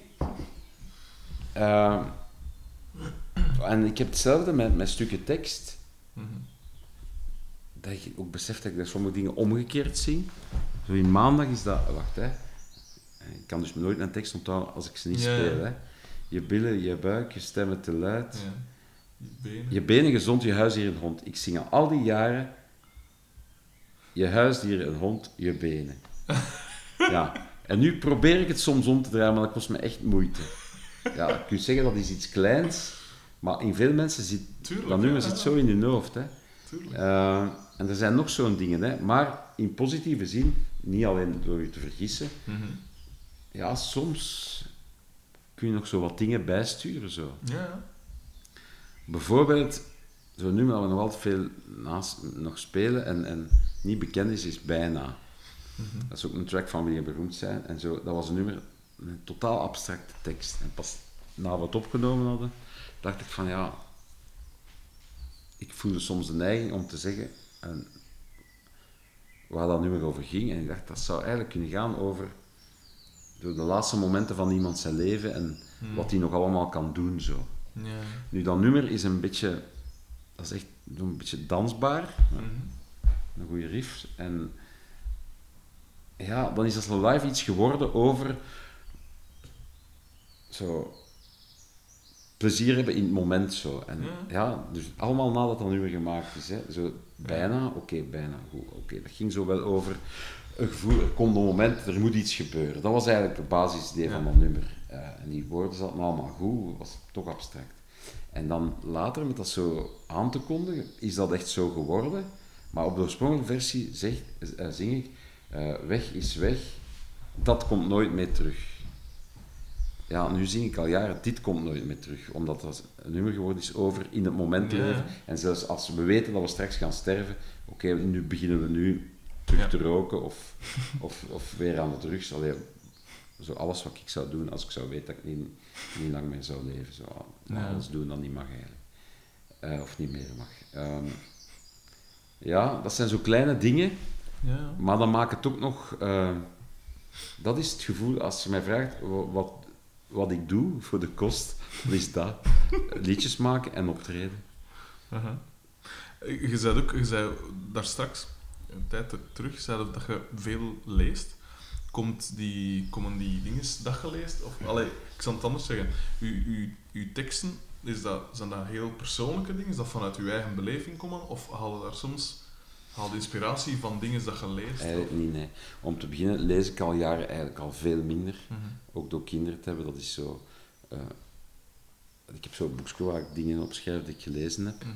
En zo twee jaar geleden heb ik één boek gelezen op een jaar. En vroeger was dat ja, 60 boeken op een jaar. Ja. Dus dat doe ik al niet meer. En nee, opnieuw, omdat ik ja, niet graag over iets schrijf of over een onderwerp. Ja. Ik denk meer... Het komt uit mezelf, maar daarom niet uit mijn leven. Ja. Maar het komt, ik denk meer dat liedjes schrijven, en opnieuw, dat is een vorm die dat toelaat. Ja, alles zit in een soort reservoir en dat komt dan binnen en sommige dingen komen daar terug uit. Zo. Mhm. Maar nee, zo'n beïnvloeden zit eerder in het, in het stelen van losse zinnen of Mhm. ideeën, titels. Maar dat komt dan zelden uit een boek. Mhm. Wat ik enorm inspirerend vind van teksten is naar eh, concerten gaan kijken.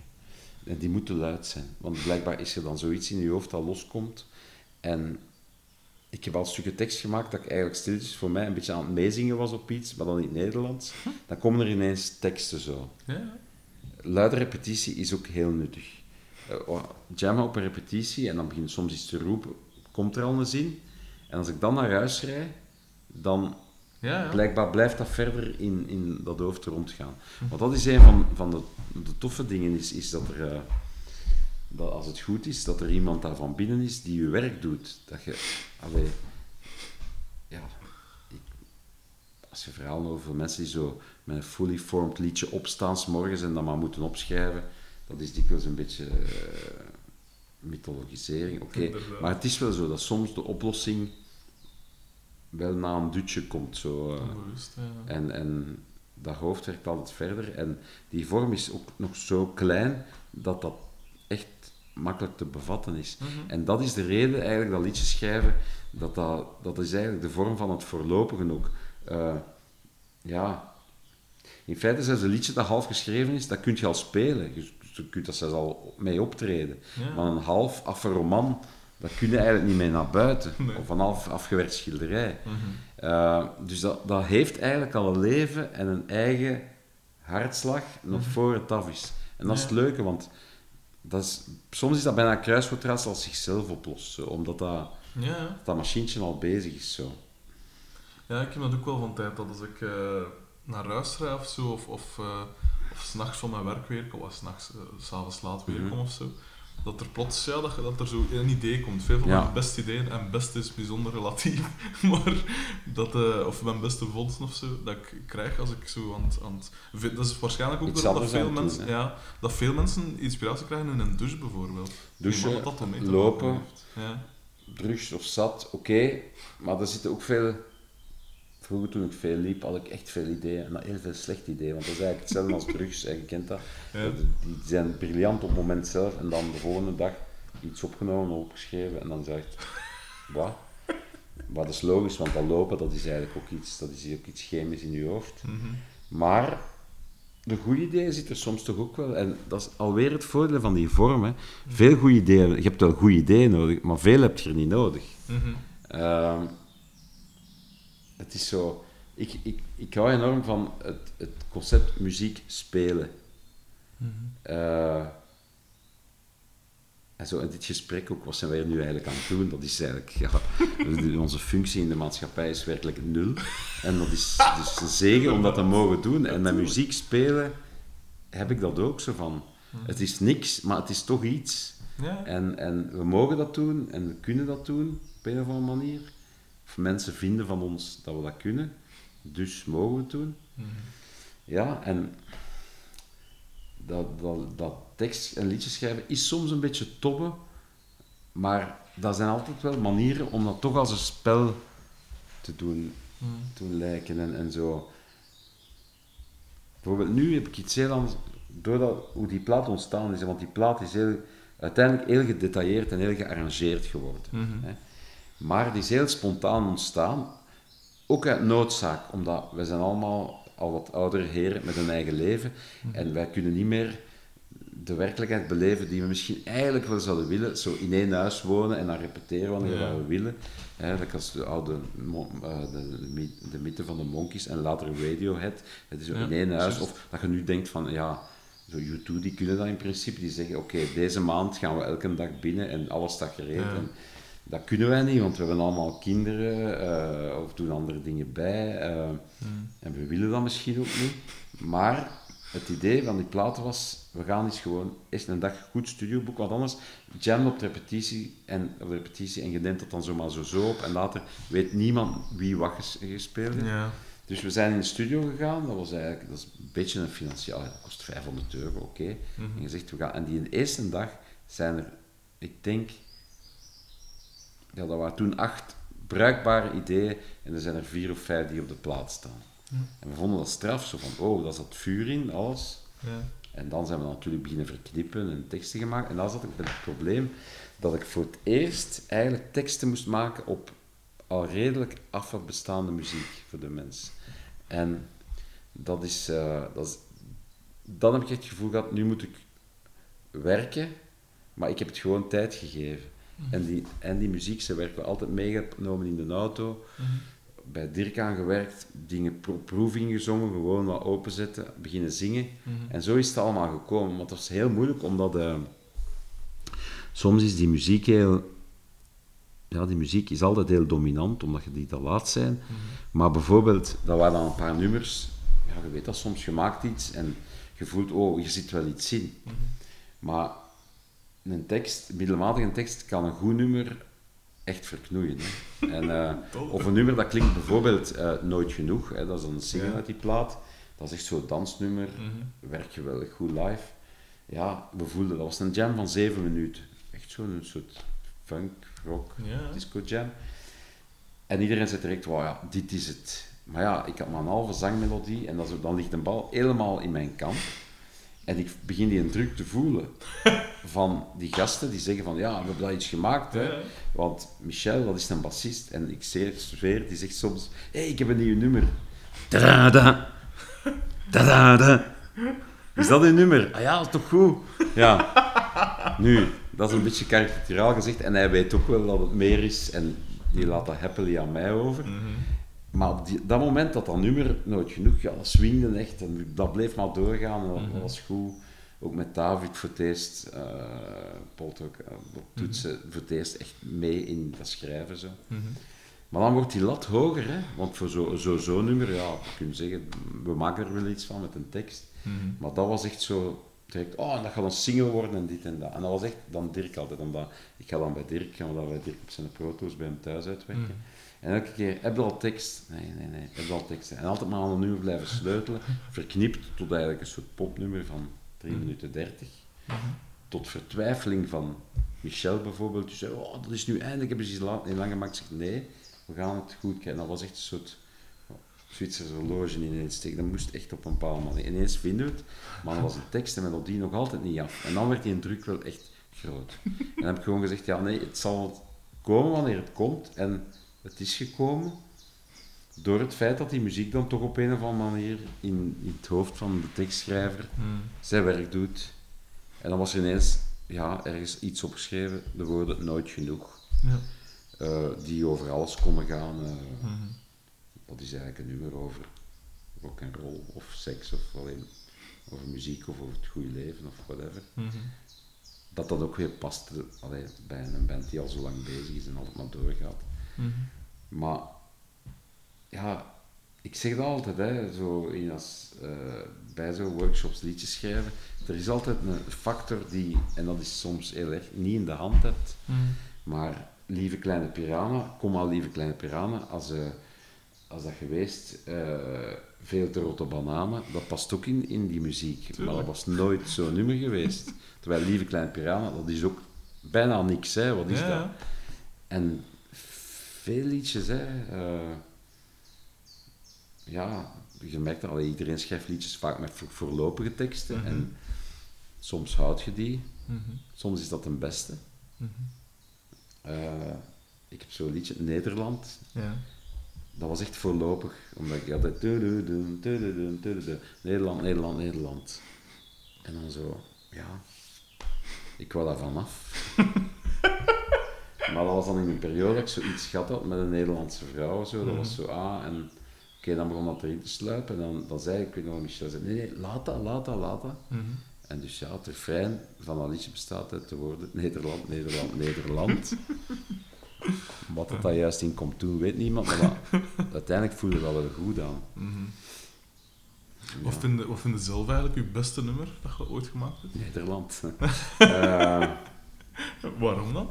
Nee, nee, nee. Ik vind dat niet... Dat is, dat is wel een goed nummer. Maar Mm. het beste... ehm, dat zijn zo'n aantal nummers... Ja, vooral omdat wij ook veel live spelen, zijn dat de nummers die zich live gemakkelijk gaan spelen. En dat is soms bij elke nieuwe tour of nieuwe cd... Nu zijn we heel fier bijvoorbeeld dat we in onze sets zitten. Zes nieuwe nummers. Ja. Vroeger was dat nooit, dat waren zo, zoals de festivalset was dan voor één nieuw nummer, de single, en voor de rest, ja, omdat je natuurlijk die luxe dan hebt, een aantal andere nummers hebt, die mensen wel willen horen, Mhm. eh, en die ook graag spelen. En daar komt het dan, graag spelen. Zo'n nummer als En in Gent, hè, dat is een periode geweest van, ja, zijn we dan niet moe gespeeld? Maar dat speelt zichzelf, dat is zo... Ja. En dat vind ik zo tof. En dat, dat ligt dan, waar wat ligt dat?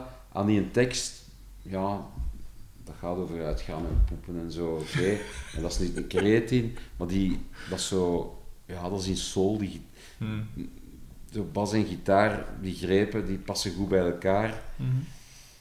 Zo nummers in soul, die kunnen zoiets krijgen dat iets open doet gaan in je, dat, zo, dat daar zoveel eh, open snaren in zitten, die twee middenste zo, en dan krijg je zoiets. Hè. Maandag is ook zo'n nummer, dat is ook zo. Eigenlijk is dat een beetje te hoog voor mijn stem allemaal, Mhm. maar qua gitaar en bas zit dat heel comfortabel. Mhm. Ehm, ja, dat speelt. En dan zijn natuurlijk, en dat, ja, ik speel dan af en toe solo's, hè, eh, solo optredens. Ik doe dat niet, want in, in, in C, ja, solo optredens goedkoper. Eigenlijk kun je elke week wel ergens gaan spelen. Ik probeer daar zuinig op te zijn. Ja, Als ik plaat, ja, fijn, maar zelfs iedereen, allee, er is altijd wel, Mhm. goedkoop ergens gaan. Maar ehm, als ik een soloplaat heb, doe ik al dan niet een tour en af en toe tussendoor doe ik dingen bepaald. Nooit te veel. Mhm. Want ik heb nooit gewild dat... eh, in het begin was het zo, als de mens uitkwam, Mhm. was dat toch door het feit van dat Nederlandstalige kreeg ik heel veel aanvragen om voor, de goedkoop solo. En dan heeft Peter Verstralen, een boeker, echt verstandig genoeg geweest om te zeggen... eh, nee, zo gaan de mensen kapot maken, we gaan daar heel streng op zijn. Mhm. En we blijven dat doseren. Maar dat solo optreden, dat leert u wel veel over wat een nummer is en hoe het Ja. brengt. Omdat je daar soms gedwongen bent van te zeggen en na te denken van, waar gaat dat hier eigenlijk over? Ja, ja. Eh, of waar zou dat kunnen overgaan? En dan zijn er zo'n nummers die ik speel, ja, die ik met de mens niet speel, omdat die ook, soms zijn dat nummers van de mens, maar die, ja, die zich live minder gemakkelijk laten spelen, maar die, Mhm. waar wel iets uit spreekt en die... Dat zijn een beetje zo eh, lelijke kindjes. dat heb ik dikwijls gevoel. Ik heb zo, er zijn een aantal nummers, eh allee, like nu bijvoorbeeld, Nooit Genoeg. Mhm. Ik was zelf verbaasd als we dat maakten, die jam. Ik was heel aangenaam verrast als ik die een tekst uiteindelijk vond. Dat, dat viel allemaal op zijn plaats. Mhm. En dat is een nummer dat ik weet dat ik tot in het einde van mijn dagen graag ga spelen met een band. Mhm. En ja, zelfs mensen die dat niet kennen, voelen direct van, oh, dat is wel iets zo. Ja, dat, dat kunnen niet kiezen, dat, dat, dat gebeurt. Of dat gebeurt niet. Eh, en dan zijn er zoveel andere nummers, eh, zoals Maandag eh, en in Gent. Mhm. Minder bekende nummers zoals Bijna, die echt gemakkelijk op gitaar vallen en die, die een goed iets dancing kunnen geven. Zo. Mhm. Maar dan zijn er zo van die dingen die ik zelf soms ook solo niet speel, ja, die ik zelf heel mooi vind, maar ik kan niet... Normaal, ik heb daar last mee om mijn eigen ding mooi te vinden. Vooral als het iets is geweest bij mensen. Dan Ja. heb ik verder het gevoel van, oké, ik ben blij dat, ik dat, dat, dat, dat ik dat kunnen maken heb, maar Mhm. dat staat daar zo voor mij. En ik kan dat niet over mijn lippen krijgen van, oh, dit is nu, dit is iets. Mhm. Maar ik kan dat wel over zo de lelijke kindjes. Van, juist omdat dat nummer niet bekend is en omdat niemand dat tof vindt, Ja. tenzij een paar freaks, Hm. ja, heb ik daar een soort sympathie voor. Zo. Tuurlijk, ja. En ja, uiteindelijk, eh, op die 23 jaar, we hebben het nu toch over 160 of 170 nummers. Amai. All in all, ja, dat is veel, maar dat is ook niet veel. Dat is 160 bladzijden. welke, welke romanschrijver zou dat, daarmee blij zijn na 23 jaar? Dat Ja, oké. ja. dat is niks. Maar ja, toch, hè. Maar ja, dat zijn wel veel liedjes, Tuurlijk, ja. waarvan er veel allee, ja, nooit live gespeeld worden. Er was zo één nummer van onze tweede cd, dat heet Zalig zijn de geitengoeders. En dat is zo'n hele lange, slow, grungy Mhm. nummer. Maar eigenlijk, basically, die, eh, dat zit, al de enige tekst die daarin zit is Zalig zijn de geitengoeders, heerlijk is hun avondmaal, niets kondigt hun toekomst aan, ze leven elke dag. Oké, dat is zo heel slim en zen, en dat gaat Mhm. over in het moment. En, en zo geitengoeders, een beetje eigenlijk, Mhm. ja, raar. Dat was gewoon iets dat tot mij gekomen was in vier zinnen. Nu, ik ken ene persoon, een vriend van mij, die zo fan is van dat nummer. maar iedereen, el- elke andere persoon op de wereld haat dat. Het duurt ook zeven minuten op die plaat of zo. Maar ik heb dat toen zo doorgezet, omdat ik vond dat dat moest. Dat was zo'n soort mantra. En ik ben daar nog Ja. altijd heel trots op, dat zoiets raars kunnen bestaan heeft en dat een platenfirma geld heeft betaald om dat in de studio op te nemen. Iedereen heeft daar zijn best op gedaan. We hebben dat zelf een paar keer live gespeeld, maar dat is zoiets... Als ik dat nu zou voorstellen om dat op de set te zetten, Michel, die, die, die wurgt mij, letterlijk. maar ik ben blij dat dat er is. En ik ben trots dat zoiets dwaas, Mhm. dat dat gekund heeft. Ehm, op onze eerste plaats stond ook zoiets. ehm, eh, vrijheid die niet eenzaam is. Mhm. En dat is ook heel... Dat is meer tekst, maar ook die mantra wordt altijd herhaald. En we hebben dat in de beginjaren veel gespeeld, maar dan wou niemand dan nog spelen. We hebben dat dan eens een tijdje teruggespeeld op de Rewind. En, Mhm. en, en dat was zo, ah ja, dat is toch wel speciaal. Maar ja, dan te speciaal om zo lang te blijven je best voor te doen. Mhm. zo. Dus ja, dat is het, mijn favoriet nummer. Nee, eh, Mhm. ik, dat zijn nummers, zo, die, die, die bekende nummers. Dat, daar, daar kleeft zoiets aan dat niet meer van mij is. En dat is ook wel tof. Mhm. Dat ik bijna het gevoel heb als je gaat spelen dat je een cover aan het spelen bent. Dat Ja, ja. eigenlijk wel een tof gevoel. Is dat een heel raar gevoel, hè? Want ja, alle groepen die lang bezig zijn, krijgen een beetje een rare relatie met hun bekende nummers of hun Mhm. doorbraaknummers. Hè? Zo, standaard voorbeeld is Radiohead, die Creep niet meer wilde spelen. Mhm. Ja, je, je gaat door zo'n periode van walging, maar daarna zeg je van, ja, het is toch iets. Mhm. Het is toch wel goed dat we dat hebben gehad. En zo, ik heb, eh, nu in Beringen was zo, de set was maar één uur. Ja. Maar ja, dat was dan zo, we moesten toch wat snoeien, want we wilden veel van ons nieuwe nummers spelen. Mhm. En dan zo, in de bissen stond normaal, spelen we vijf, zes bissen of in de club langer. Mhm. En Irene staat dan natuurlijk tussen. Ja. En nu was ze van, ja, gaan we dan eens niet spelen? En ik zat me af te vragen, is er eigenlijk al ooit één, één optreden van de mens geweest dat we niet gespeeld hebben? We hebben toch gespeeld uiteindelijk. Eh, eigenlijk moet dat kunnen van al niet te spelen. Mhm. Maar niet alleen zit een groot deel van het publiek daarop te wachten. Het is een beetje onze Mia, in iets minder Mhm. vorm. Ik zit daar eigenlijk zelf ook op te wachten. Want ik speel nog altijd graag, maar Ja. het is zoiets, ja. Ehm, en ik hoop alleen dat ik daar niet verkrampt over ben. Zo van dat ik altijd moet willen zeggen, zeg, ik heb nog andere nummers dan die reden. Ja. Dikwijls is het alleen maar dat, maar tegelijkertijd is dat een soort paspoort Mhm. dat al zoveel bij mensen deuren geopend heeft. Mhm. En dan merk ik ook weer in die live optredens. Hè. Dan soms spelen voor het publiek, zo in een cultureel centrum. Ja, de madammetjes met abonnees, met een abonnement. En die zitten soms met hun sacoche op hun, echt letterlijk op hun schoot op de eerste rij.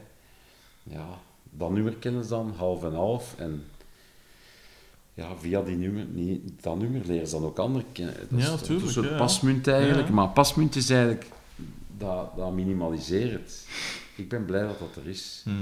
Ehm, dus mijn favoriet nummer is niet Irene, maar ik ben wel blij dat dat, dat er is. Je hebt daar zoiets gezegd dat je ook af en toe een keer nummers schrijft voor andere artiesten. Zijn er bekende dingen bij? En zo ja, we dat zeggen? De meeste flops van Clouseau zijn van mijn hand. Dat is echt waar.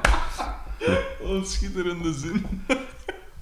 Eh, maar letterlijk, ja. Er zijn een paar nummers die, die ik voor Clouseau geschreven heb, samen met Jan Leijers, die wel redelijk bekend zijn. Dat is eh, Ik, Jij, Hij of Zij en Hier bij Jou. Dat zijn Echt? nummers. het Ja, is, ja, cool. Dat, is, eh, dat zijn nummers van Jan en ik. En die ze, ja, dat zijn nooit hun grootste hits geweest, maar dat zijn live altijd hits geweest. En dan spelen ze in het Sportpaleis, ook al dat zit er altijd in. Ja.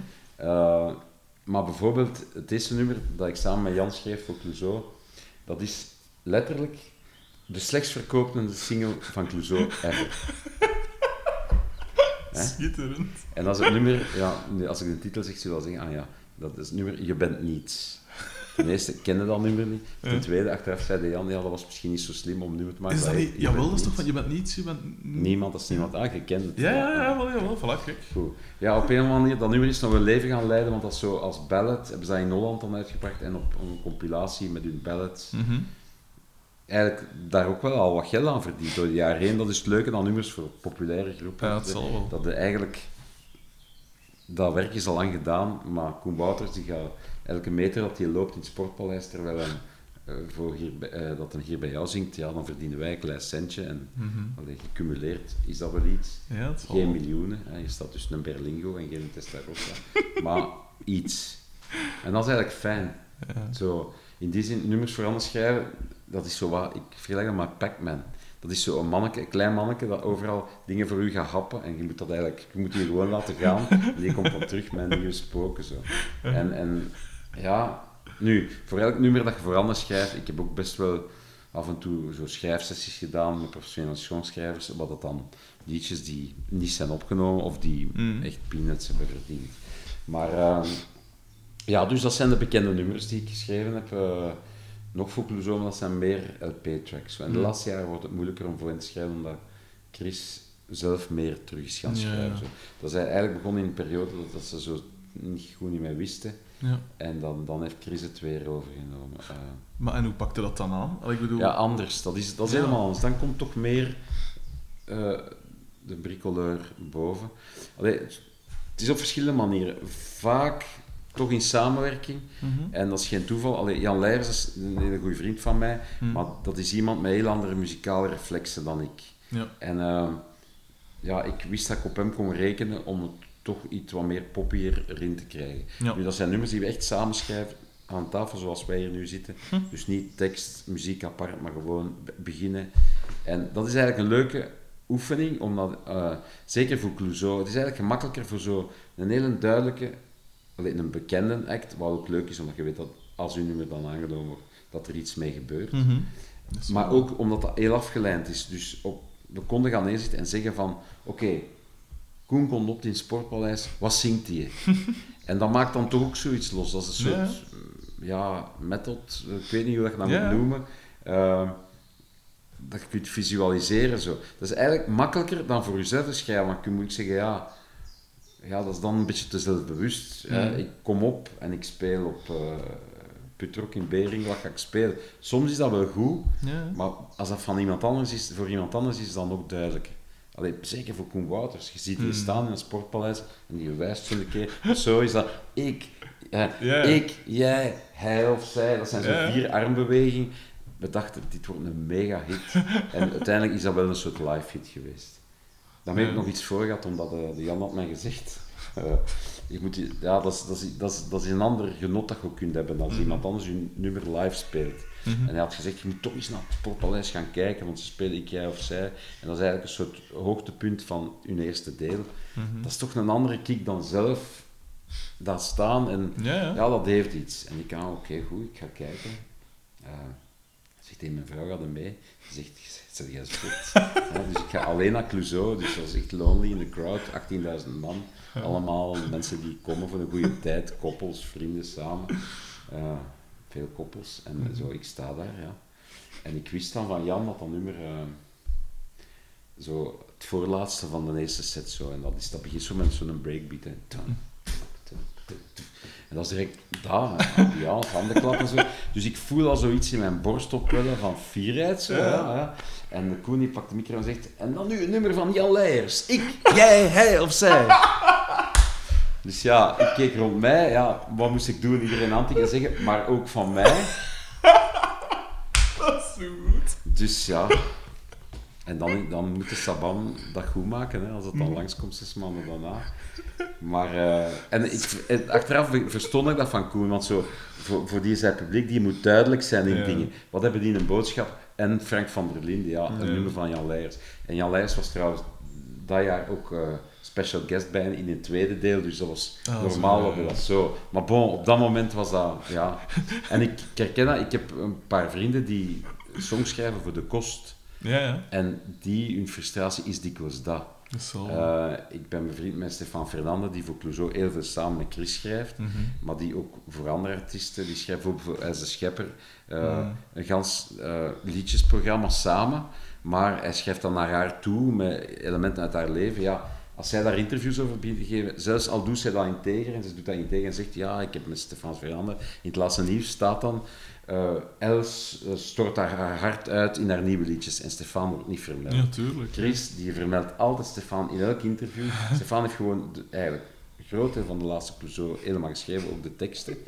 En dat is dan integer verdeeld eh, financieel. En ook Chris zegt dat, maar de journalisten of de eindredacteur Mhm. haalt dat weg van wie is Stefan Ja, Fernand. tuurlijk. en dat is dan heel erg, omdat dat is wel een frustratie als je alleen dat doet. Want dan is uiteindelijk je hoera-moment alleen als je ziet dat zo'n nummer in de chart staat. Ja. En als de check binnenkomt. Maar voor de rest is het applaus nul.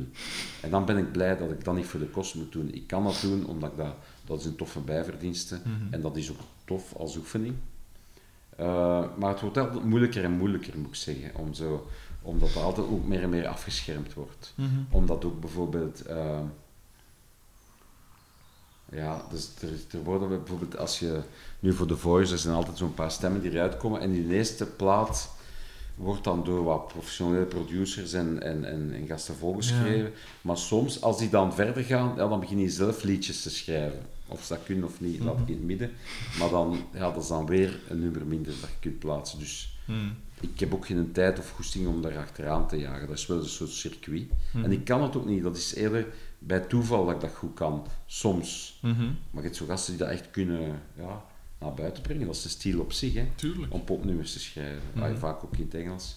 Maar ik heb eh, ja, voor, voor Eva de Rover, haar eerste cd, waren een paar dingen. Niemand zoals wij, dat is eigenlijk een soort hit geweest, ook in Holland. Zeker radiohit. Er staat ook een nummer op Anoniem, waar ze muziek had gemaakt met Joost Zwegers, daar heb ik dan tekst voor gemaakt. Mhm. Mooi.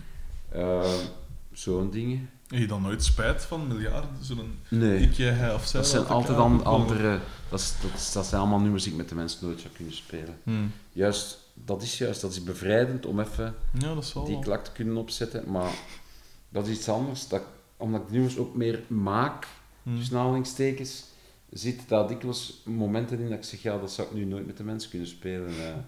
Maar dat voedt elkaar wel, hoewel dat uit elkaar blijft. Soms is dat zo'n zin Mhm. die je dan niet gebruikt en die je kunt meenemen. Zo, dat allee, dat Ja, blijft altijd natuurlijk, dat staat dan ergens op een papiertje of zit in mijn hoofd. Ehm, en eigenlijk zijn die zo songschrijfsessies goed, omdat je gedwongen bent om neer te zitten en nu Mhm. gaan we iets verzinnen. Mhm. Ehm, maar soms werkt dat dan ook raar. Allee, ja. Eh, zo op de laatste Guido Belcanto staat een nummer van mij. Dat was echt een verdwaald nummer, want dat was iets dat ik samen met Stefan Fernand had geschreven. Mhm. We wilden dat, eh hoe heet Laura Lin laten zien. Dus dat was echt, we gaan een slager maken. Nu ja, Belcanto die maakt ook een soort slagers, maar dat is iets zo'n Ja, ja. twist aan wat hij heeft. En dan, dat nummer lag daar en Laura Lin heeft dat nooit willen opnemen. En, eh, en toen vroeg de producer mij van Belcanto, heb jij nog iets liggen? Of wil je iets maken? En toen dacht ik, al een nummer heb ik dat gegeven en Guido vond dat fantastisch. Hmm. En die heeft dat ook goed opgenomen en speelt het ook live nu. Mhm. Dat is wel fijn, maar dat was een nummer dat daar zo vijf jaar lag. In de krant, ook in de goede krant, staat dan van, eh, ja, met textuele bijdrage van Frank van der Linden, die het dan toch zo Mhm. eh, een soort twist aan geeft. Ja, nee, dat is echt een poging tot slager. Maar weet wat het ook is? Hmm. Eh, ik vind dat soms beter om dat niet echt te kunnen, want dan zit het toch altijd een beetje zo, Ja, ja. er lichtjes links van zo. Ja. Dus misschien klopt het wel wat dan geschreven is. Mhm. Ehm, ja, het is, het is gewoon een ander werk. Mhm. Waar dat wel dingen eh, gemeenschappelijk zijn, maar eh, Mhm. ja. Je, je zei dus subiet dat je een, een grote bluesfan bent. En ik ben dat trouwens ook, en zeker bij die oude gasten en, en John Lee Hooker en zo, nog voordat een, zo de, de meer elektrische dingen eh, deed. En je zo nooit dan bijvoorbeeld, want je hebt, je hebt natuurlijk de mens, je hebt solo dingen gemaakt, je maakt een keer af en toe iets voor een ander, voor, voor een ander. Maar je hebt nooit zo de, de neiging was om... om of allee, eh, plannen om ooit eens zoiets volledig anders een keer te doen? Nu, als je nu zegt, die Ja, voorliefde voor blues, en je kent Ja. dan de Roland en... Allee, Ja, ja, ja. Ja, ik heb soms, eh, dat is een tijdje dat ik soms met Roland samenspeel ook zo, Ja. want Roland die treedt op, die belt op wie dat hem goesting heeft. Hm. Dat is zo een jaar dat hij mij vaak opbelt en dan niet meer. Ik weet niet wat ik gedaan heb. Eh, en ehm, ik kan dat wel, maar ik vind dat niet genoeg iets van mezelf om Hmm. daarmee naar buiten te komen. Ja. Dat is meer zo, ik kan dat echt zo, allee, ik kan Pony Blues van Son House, ik kan dat heel goed naspelen, maar dat is bijna een party trick zo. Dat Ja, zo. ja. En dat zijn mensen die dat hedendaags kunnen doen en dat het toch integer is. Allee, bij Roland klopt dat plaatje. Mhm. Roland is ook meer dan een bluesmuzikant alleen. Ehm, maar voor mij, ook al, ook al door dat Nederlands, dat dat moeilijk is in bluesy Mhm. dingen goed te doen. En ook omdat, ja, wij hebben vroeger wel nevenprojecten met de mensen gehad. Op een gegeven moment Money Max, wat eigenlijk een soort Big Beats ding was. Ja. Dat was heel leuk. Dat was, eh, in uh, Omdoen was dat leuk. Dat was 95. Ja. En toen was zo, ja, Big Beat, dat was Fatboy Slim en eh, Ja. de freestylers en zo. Allee, zo die, die eerste dingen. Mhm. Ehm, topperiode, omdat dat, ja, dat was eigenlijk heel trashy klinkende dansmuziek allemaal. Ja. En dan ben ik met Dirk zo beginnen experimenteren op een 8-track cassette toen, Yamaha. En dan hadden wij zoiets gemaakt, had Michel daar iets aan toegevoegd. En dan hebben we dat naar Stuur Brussel opgestuurd onder de naam Moneymax. Maar echt zo, dat was toen nog per fax. Ik had zo met een naam van hem met een fax boven gehaald. Ik kon dat doen, kon dat dus eh, Mhm. Een afzender. En dat was echt anoniem, dus een nieuw project. En die zijn dan beginnen draaien, heel veel. Dat was echt een Stuur Brussel hit. Mhm. Dat kwam onder de Kei compilatie, dat was zo, allee, Ja. wat later de Max is geworden. Ja. En zo, niemand wist dat wij dat waren. En maar goed ook, want als de mens toen met zo'n elektronische ja, ze proberen ook eens iets. Ja. En zoals Gorky in de tijd in het Engels, eh, Automatic Buffalo, dat, dat, dat komt altijd over zoals. Dus dat Mm. moest anoniem. En dat was heel tof dat dat, dat was echt zo'n beetje geheimzinnig doen. En dan is dat uitgekomen eh, op café in Dendermonde. De, eh, Jan van Bies, die nu basis van Superbus, zat in, op café in Dendermonde. En iemand zei, ze waren daarover bezig over Moneymax. Allee, weet je dat dan niet? Dat is Dirk Jans hè, en eh, Frank. hè. Ja, ja oké. En zo is dat dus uitgekomen. Tof. Enfin, we hebben daar dus ook een album meegemaakt dat nooit iets gedaan heeft. Mhm. Maar dat onlangs was er een gast van een heel cool vinyl dance label die vroeg of dat ze dat mochten uitbrengen. Eh, Your Satisfaction heet dat nummer. Ja. Zo met een sample in Your Satisfaction is guaranteed. En dat is een nummer, als je dat nu naar luistert, gek genoeg, Ja. klinkt dat nog, dat is electro, hè, dat klinkt Ja. nu weer hedendaags. Ja. Cool. Een beetje Frans zo. Ehm, en ja, we, dat was ook in de periode dat iedereen een nevenproject had. Hè. Dat was in volle Deus, Hoose, eh, die platen uitbrachten, zelfs van onder de naam Deus, die niet klonken als Deus-plaat, maar die, dat was dan Trouvé met al zijn dingen. Ja. Iedereen had duizend nevenprojecten en dat was zo. En in het jaar daarna is zo het besef gekomen van ja, eigenlijk kun je maar één ding echt goed doen. Hmm. Dat was leuk en dat was creatief langs alle kanten en eh, we hadden allemaal tijd, maar ook in hoe mensen nu zien. Ja, mijn vrouw die zegt vaak zo van, "Nou, bedenk eens iets totaal anders. En dan, ja, ik, zij vindt dat ik dan aan het bescheiden ben als ik zeg, ik kan het ook niet, ik kan ook niet meer veranderen. Ja. Ik ben wie ik ben, van als ik mijn mond open doe, dan zullen mensen horen dat ik het ben. Mhm. Eh, ik zou bijvoorbeeld nu graag ook niet echt iets nieuws opbouwen. Mhm. Dat is zo, er zijn aan de ene kant voor jonge bands veel meer mogelijkheden om zichzelf te promoten, maar daardoor is er ook veel meer. eh, ja. ik, zo, dat aspect van wat ik zei, van alles zelf doen, Mhm. dat zou me heel hard vermoeien, moest ik nu starten. Dat zou nog meer zijn. Ja. En ook, ja, dat, dat, dan moet ook gaan toeren voor een appel en een ei en zo. Allee, dat, dat Ja. wordt altijd moeilijker. En dan niet. Ik vind met mijn solo dingen doe ik al genoeg Hmm. dingen die wat afwijken. Maar ik vind mijn muzikale reach is echt niet groot genoeg om nu te zeggen ik ga totaal andere muziek maken. Hmm. En eigenlijk interesseert me dat ook niet, want ik ben ook niet... Ik ben daar van teruggekomen. Ik heb uh, allee, dat beneden, ik poetst allemaal. Daar staan de Pro Tools die bijna nooit gebruikt is. Ik heb vier track, acht tracks, alles gehad. Ja. Uh, maar de laatste jaar heb ik mij verzoend dat ik zelfs te stoem ben om GarageBand te gebruiken. en dat ik dat, ik ga ervoor bij Dirk en die doet dat voor mij, dat is is veel toffer. Ja. Dan amuseren we ons ook. uh, En zo. Ik ken heel veel muzikanten trouwens. eh, allee, ik weet dat jij ook een beetje een gearslot bent. Eh, Antwoorden toch? dat, ja, of worden. Dat is tof, dat is fantastisch. En dat is een manier om met muziek bezig te zijn. Mhm. Maar in mijn geval bijvoorbeeld, ook door mijn kinderen en door mijn leven, heb ik eigenlijk geen tijd om dat goed te doen. Om iets te kopen en dat, ja. daar, ja, je weet dat zelf, apparatuur is fantastisch, maar je moet er dan genoeg mee bezig zijn Mhm. om dat te laten doen zingen, eigenlijk. Omdat, hè, want het moet al de gebruiksaanwijzing, of je moet het dan beginnen voelen. Mhm. En ik heb me daar een paar jaar geleden bij neergelegd van, dat is het niet voor mij. Eh, ik, en ja, wat het resultaat heeft, dat je eigenlijk, nieuwe muziek komt dan echt altijd echt uit mij en niet uit dingen aan puzzelen. Mhm. Bijvoorbeeld die Moneymax dingen, dat was echt ook door de apparatuur aange- ingegeven. Mhm. En nu, ik heb met een band, en dat is een instrument op zich. ehm, ik kan solo spelen. En ik doe wel inspanningen om, om, eh, om een ander soort nummer te maken. Hè. Ik denk dat ik Ja, daar ja. ook soms in slaag. Dat, dat ik me heel goed bewust ben van wat zijn onze eigen patronen en clichés. Mhm. Soms speel ik ook met andere mensen samen. Maar om iets totaal nieuws, ik denk niet dat ik dat kan. Ik zo, en dat bluespelen bijvoorbeeld, dat is zoiets, eh, ja, dat is zoiets van mij. En wat mensen soms mee kan verbazen, als ik solo speel, zit dat wel in zo de fingerpicking en zo. Mhm. En dan is altijd het leukste dat mensen zeggen, eigenlijk speelt jij wel goed gitaar. En dan zeg ik altijd, eigenlijk is altijd, dat ze zeggen van, ja, je hebt wel een schoon gezicht. Hè. Wil zeggen, je bent een dikke. Hè. Ja. Allee, dat is vooral voor vrouwen. Wat als een lief, lief, lief gezicht, ja, dan weet het. hè.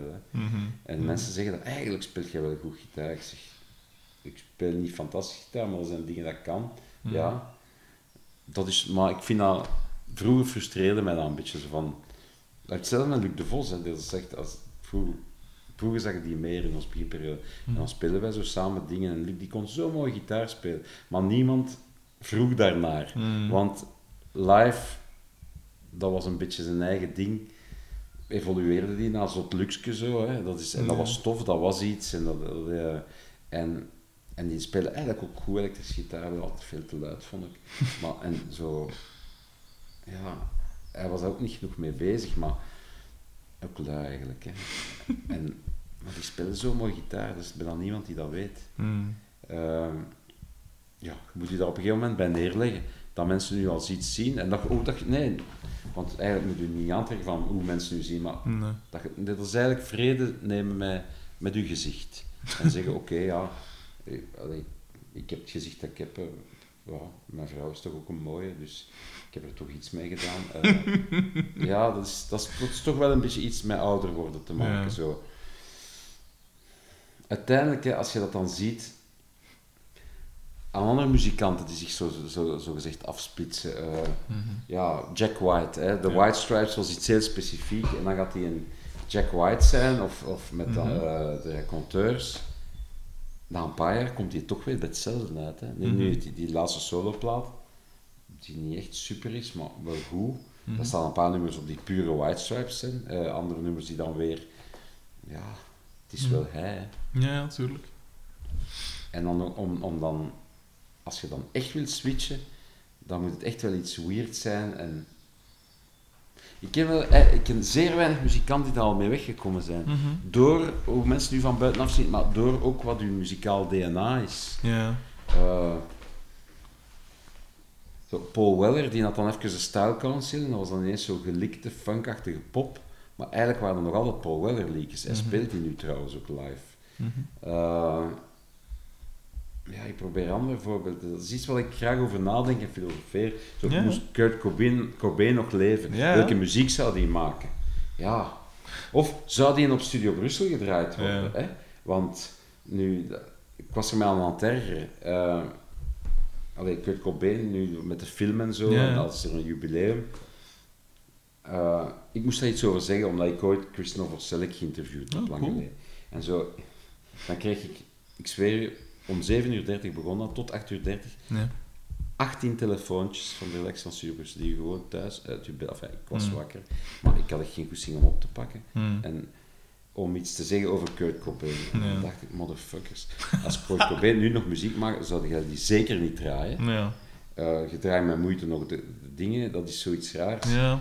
Maar ik denk daarover na, enfin, dit nu even een, een, een boze Nee, nee, kanttekening. Maar misschien zou Kurt Cobain wel een beetje foute muziek maken nu. Hmm. Misschien zou die zich ook vernieuwd hebben. Hmm. En er zijn zo'n aantal artiesten die dat kunnen. Maar al bij al... Hmm. Also, Nick Cave, die doet Grinderman. Vond ik een fantastisch idee. En dat is zo'n harde werker, die moet wel, omdat hij anders weer een junkie wordt. Blijf maar werken. Maar eigenlijk Grinderman is zo... Ja, dat is eigenlijk ook de bad seeds. Hè. Ja. Maar dat wordt dan zo goed naar voren gebracht als iets totaal anders. Maar eigenlijk is dat hetzelfde. Ja. Alleen legt dat andere accenten zo. Mhm. En, ja, die- eh, ik heb daar vroeger nog fantasieën over gehad met Dirk vaak, omdat wij altijd binnen de groep een meest rock en rollachtige leven hadden.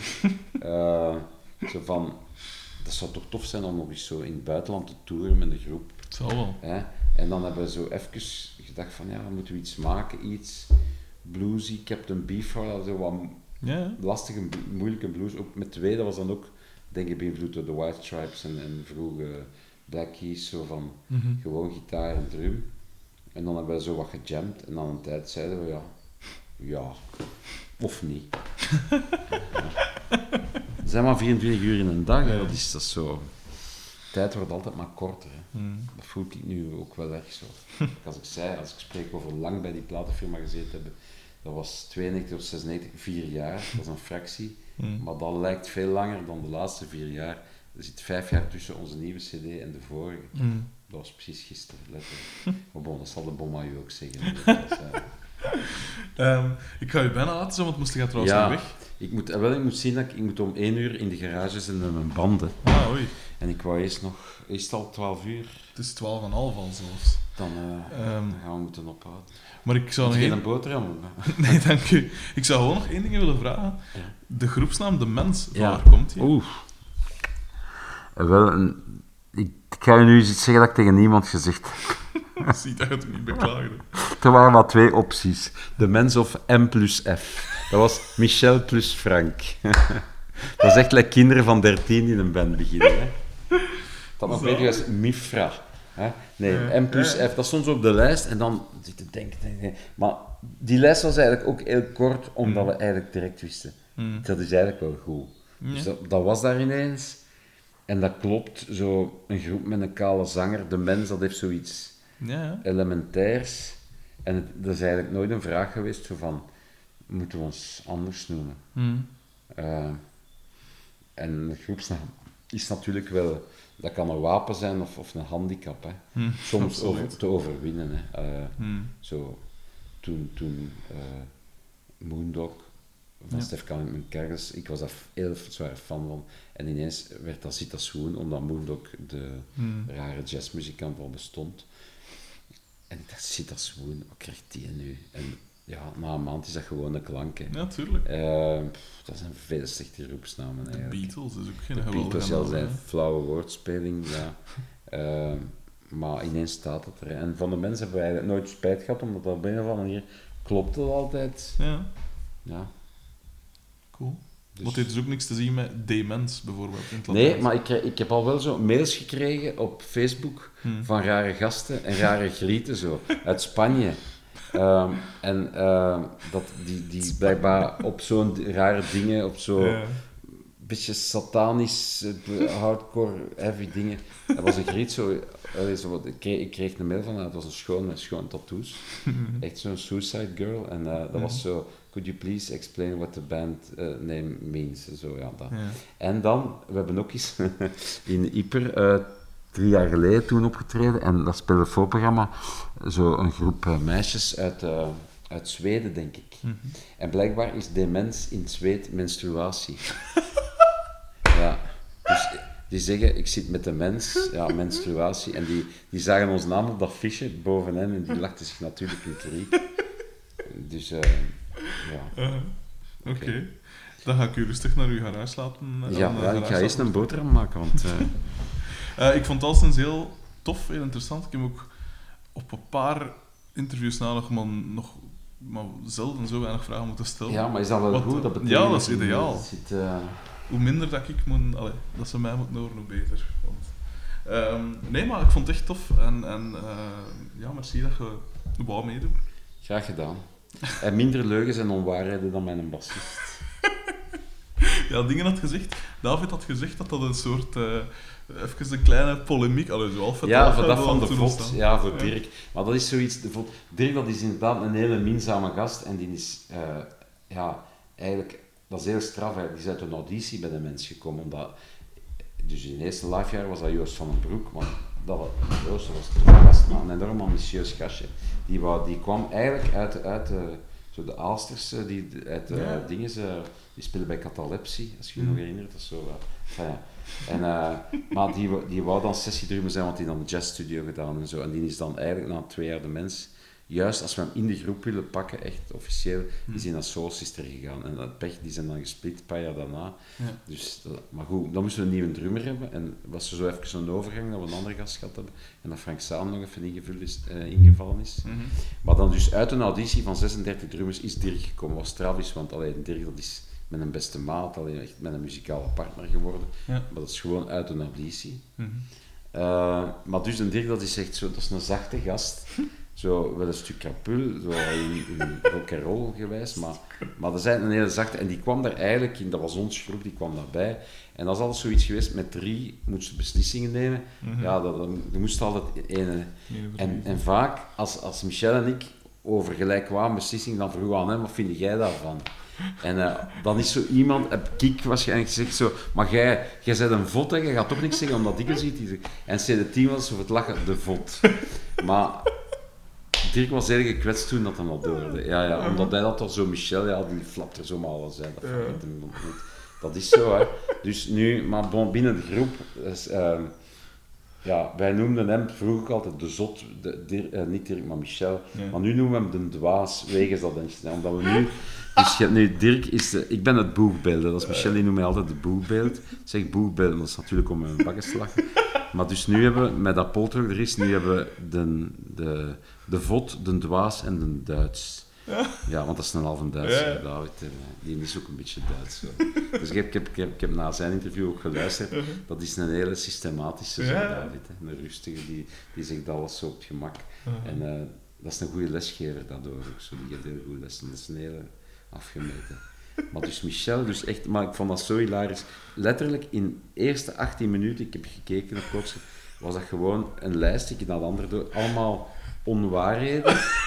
Al dan niet bedoelde leugens, die zegt zomaar wat, maar zo functioneert hij. Zo kan die zijn. Maar voor ons is Michel, een, ja, dat zat nu niet in dat interview, maar dat is een totaal, dat is een alfaman, hè. Dat is zo. Mhm. En, en hoe, wij hebben lang niet verstaan hoe dat hij zo hoog kon zijn in zijn werk. Ja. Maar ja, die zal wel iets goed doen, hè, dan, dat dat Mhm. gewoon zo.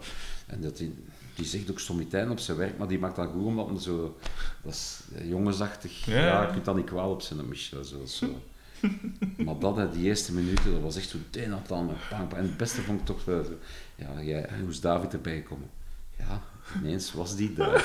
Kijk, een champignon zo. Enfin. Ja, Ja, nu ga ik Oké. het uitsmijten, want ik ga nog iets ja zo wel, zo wel.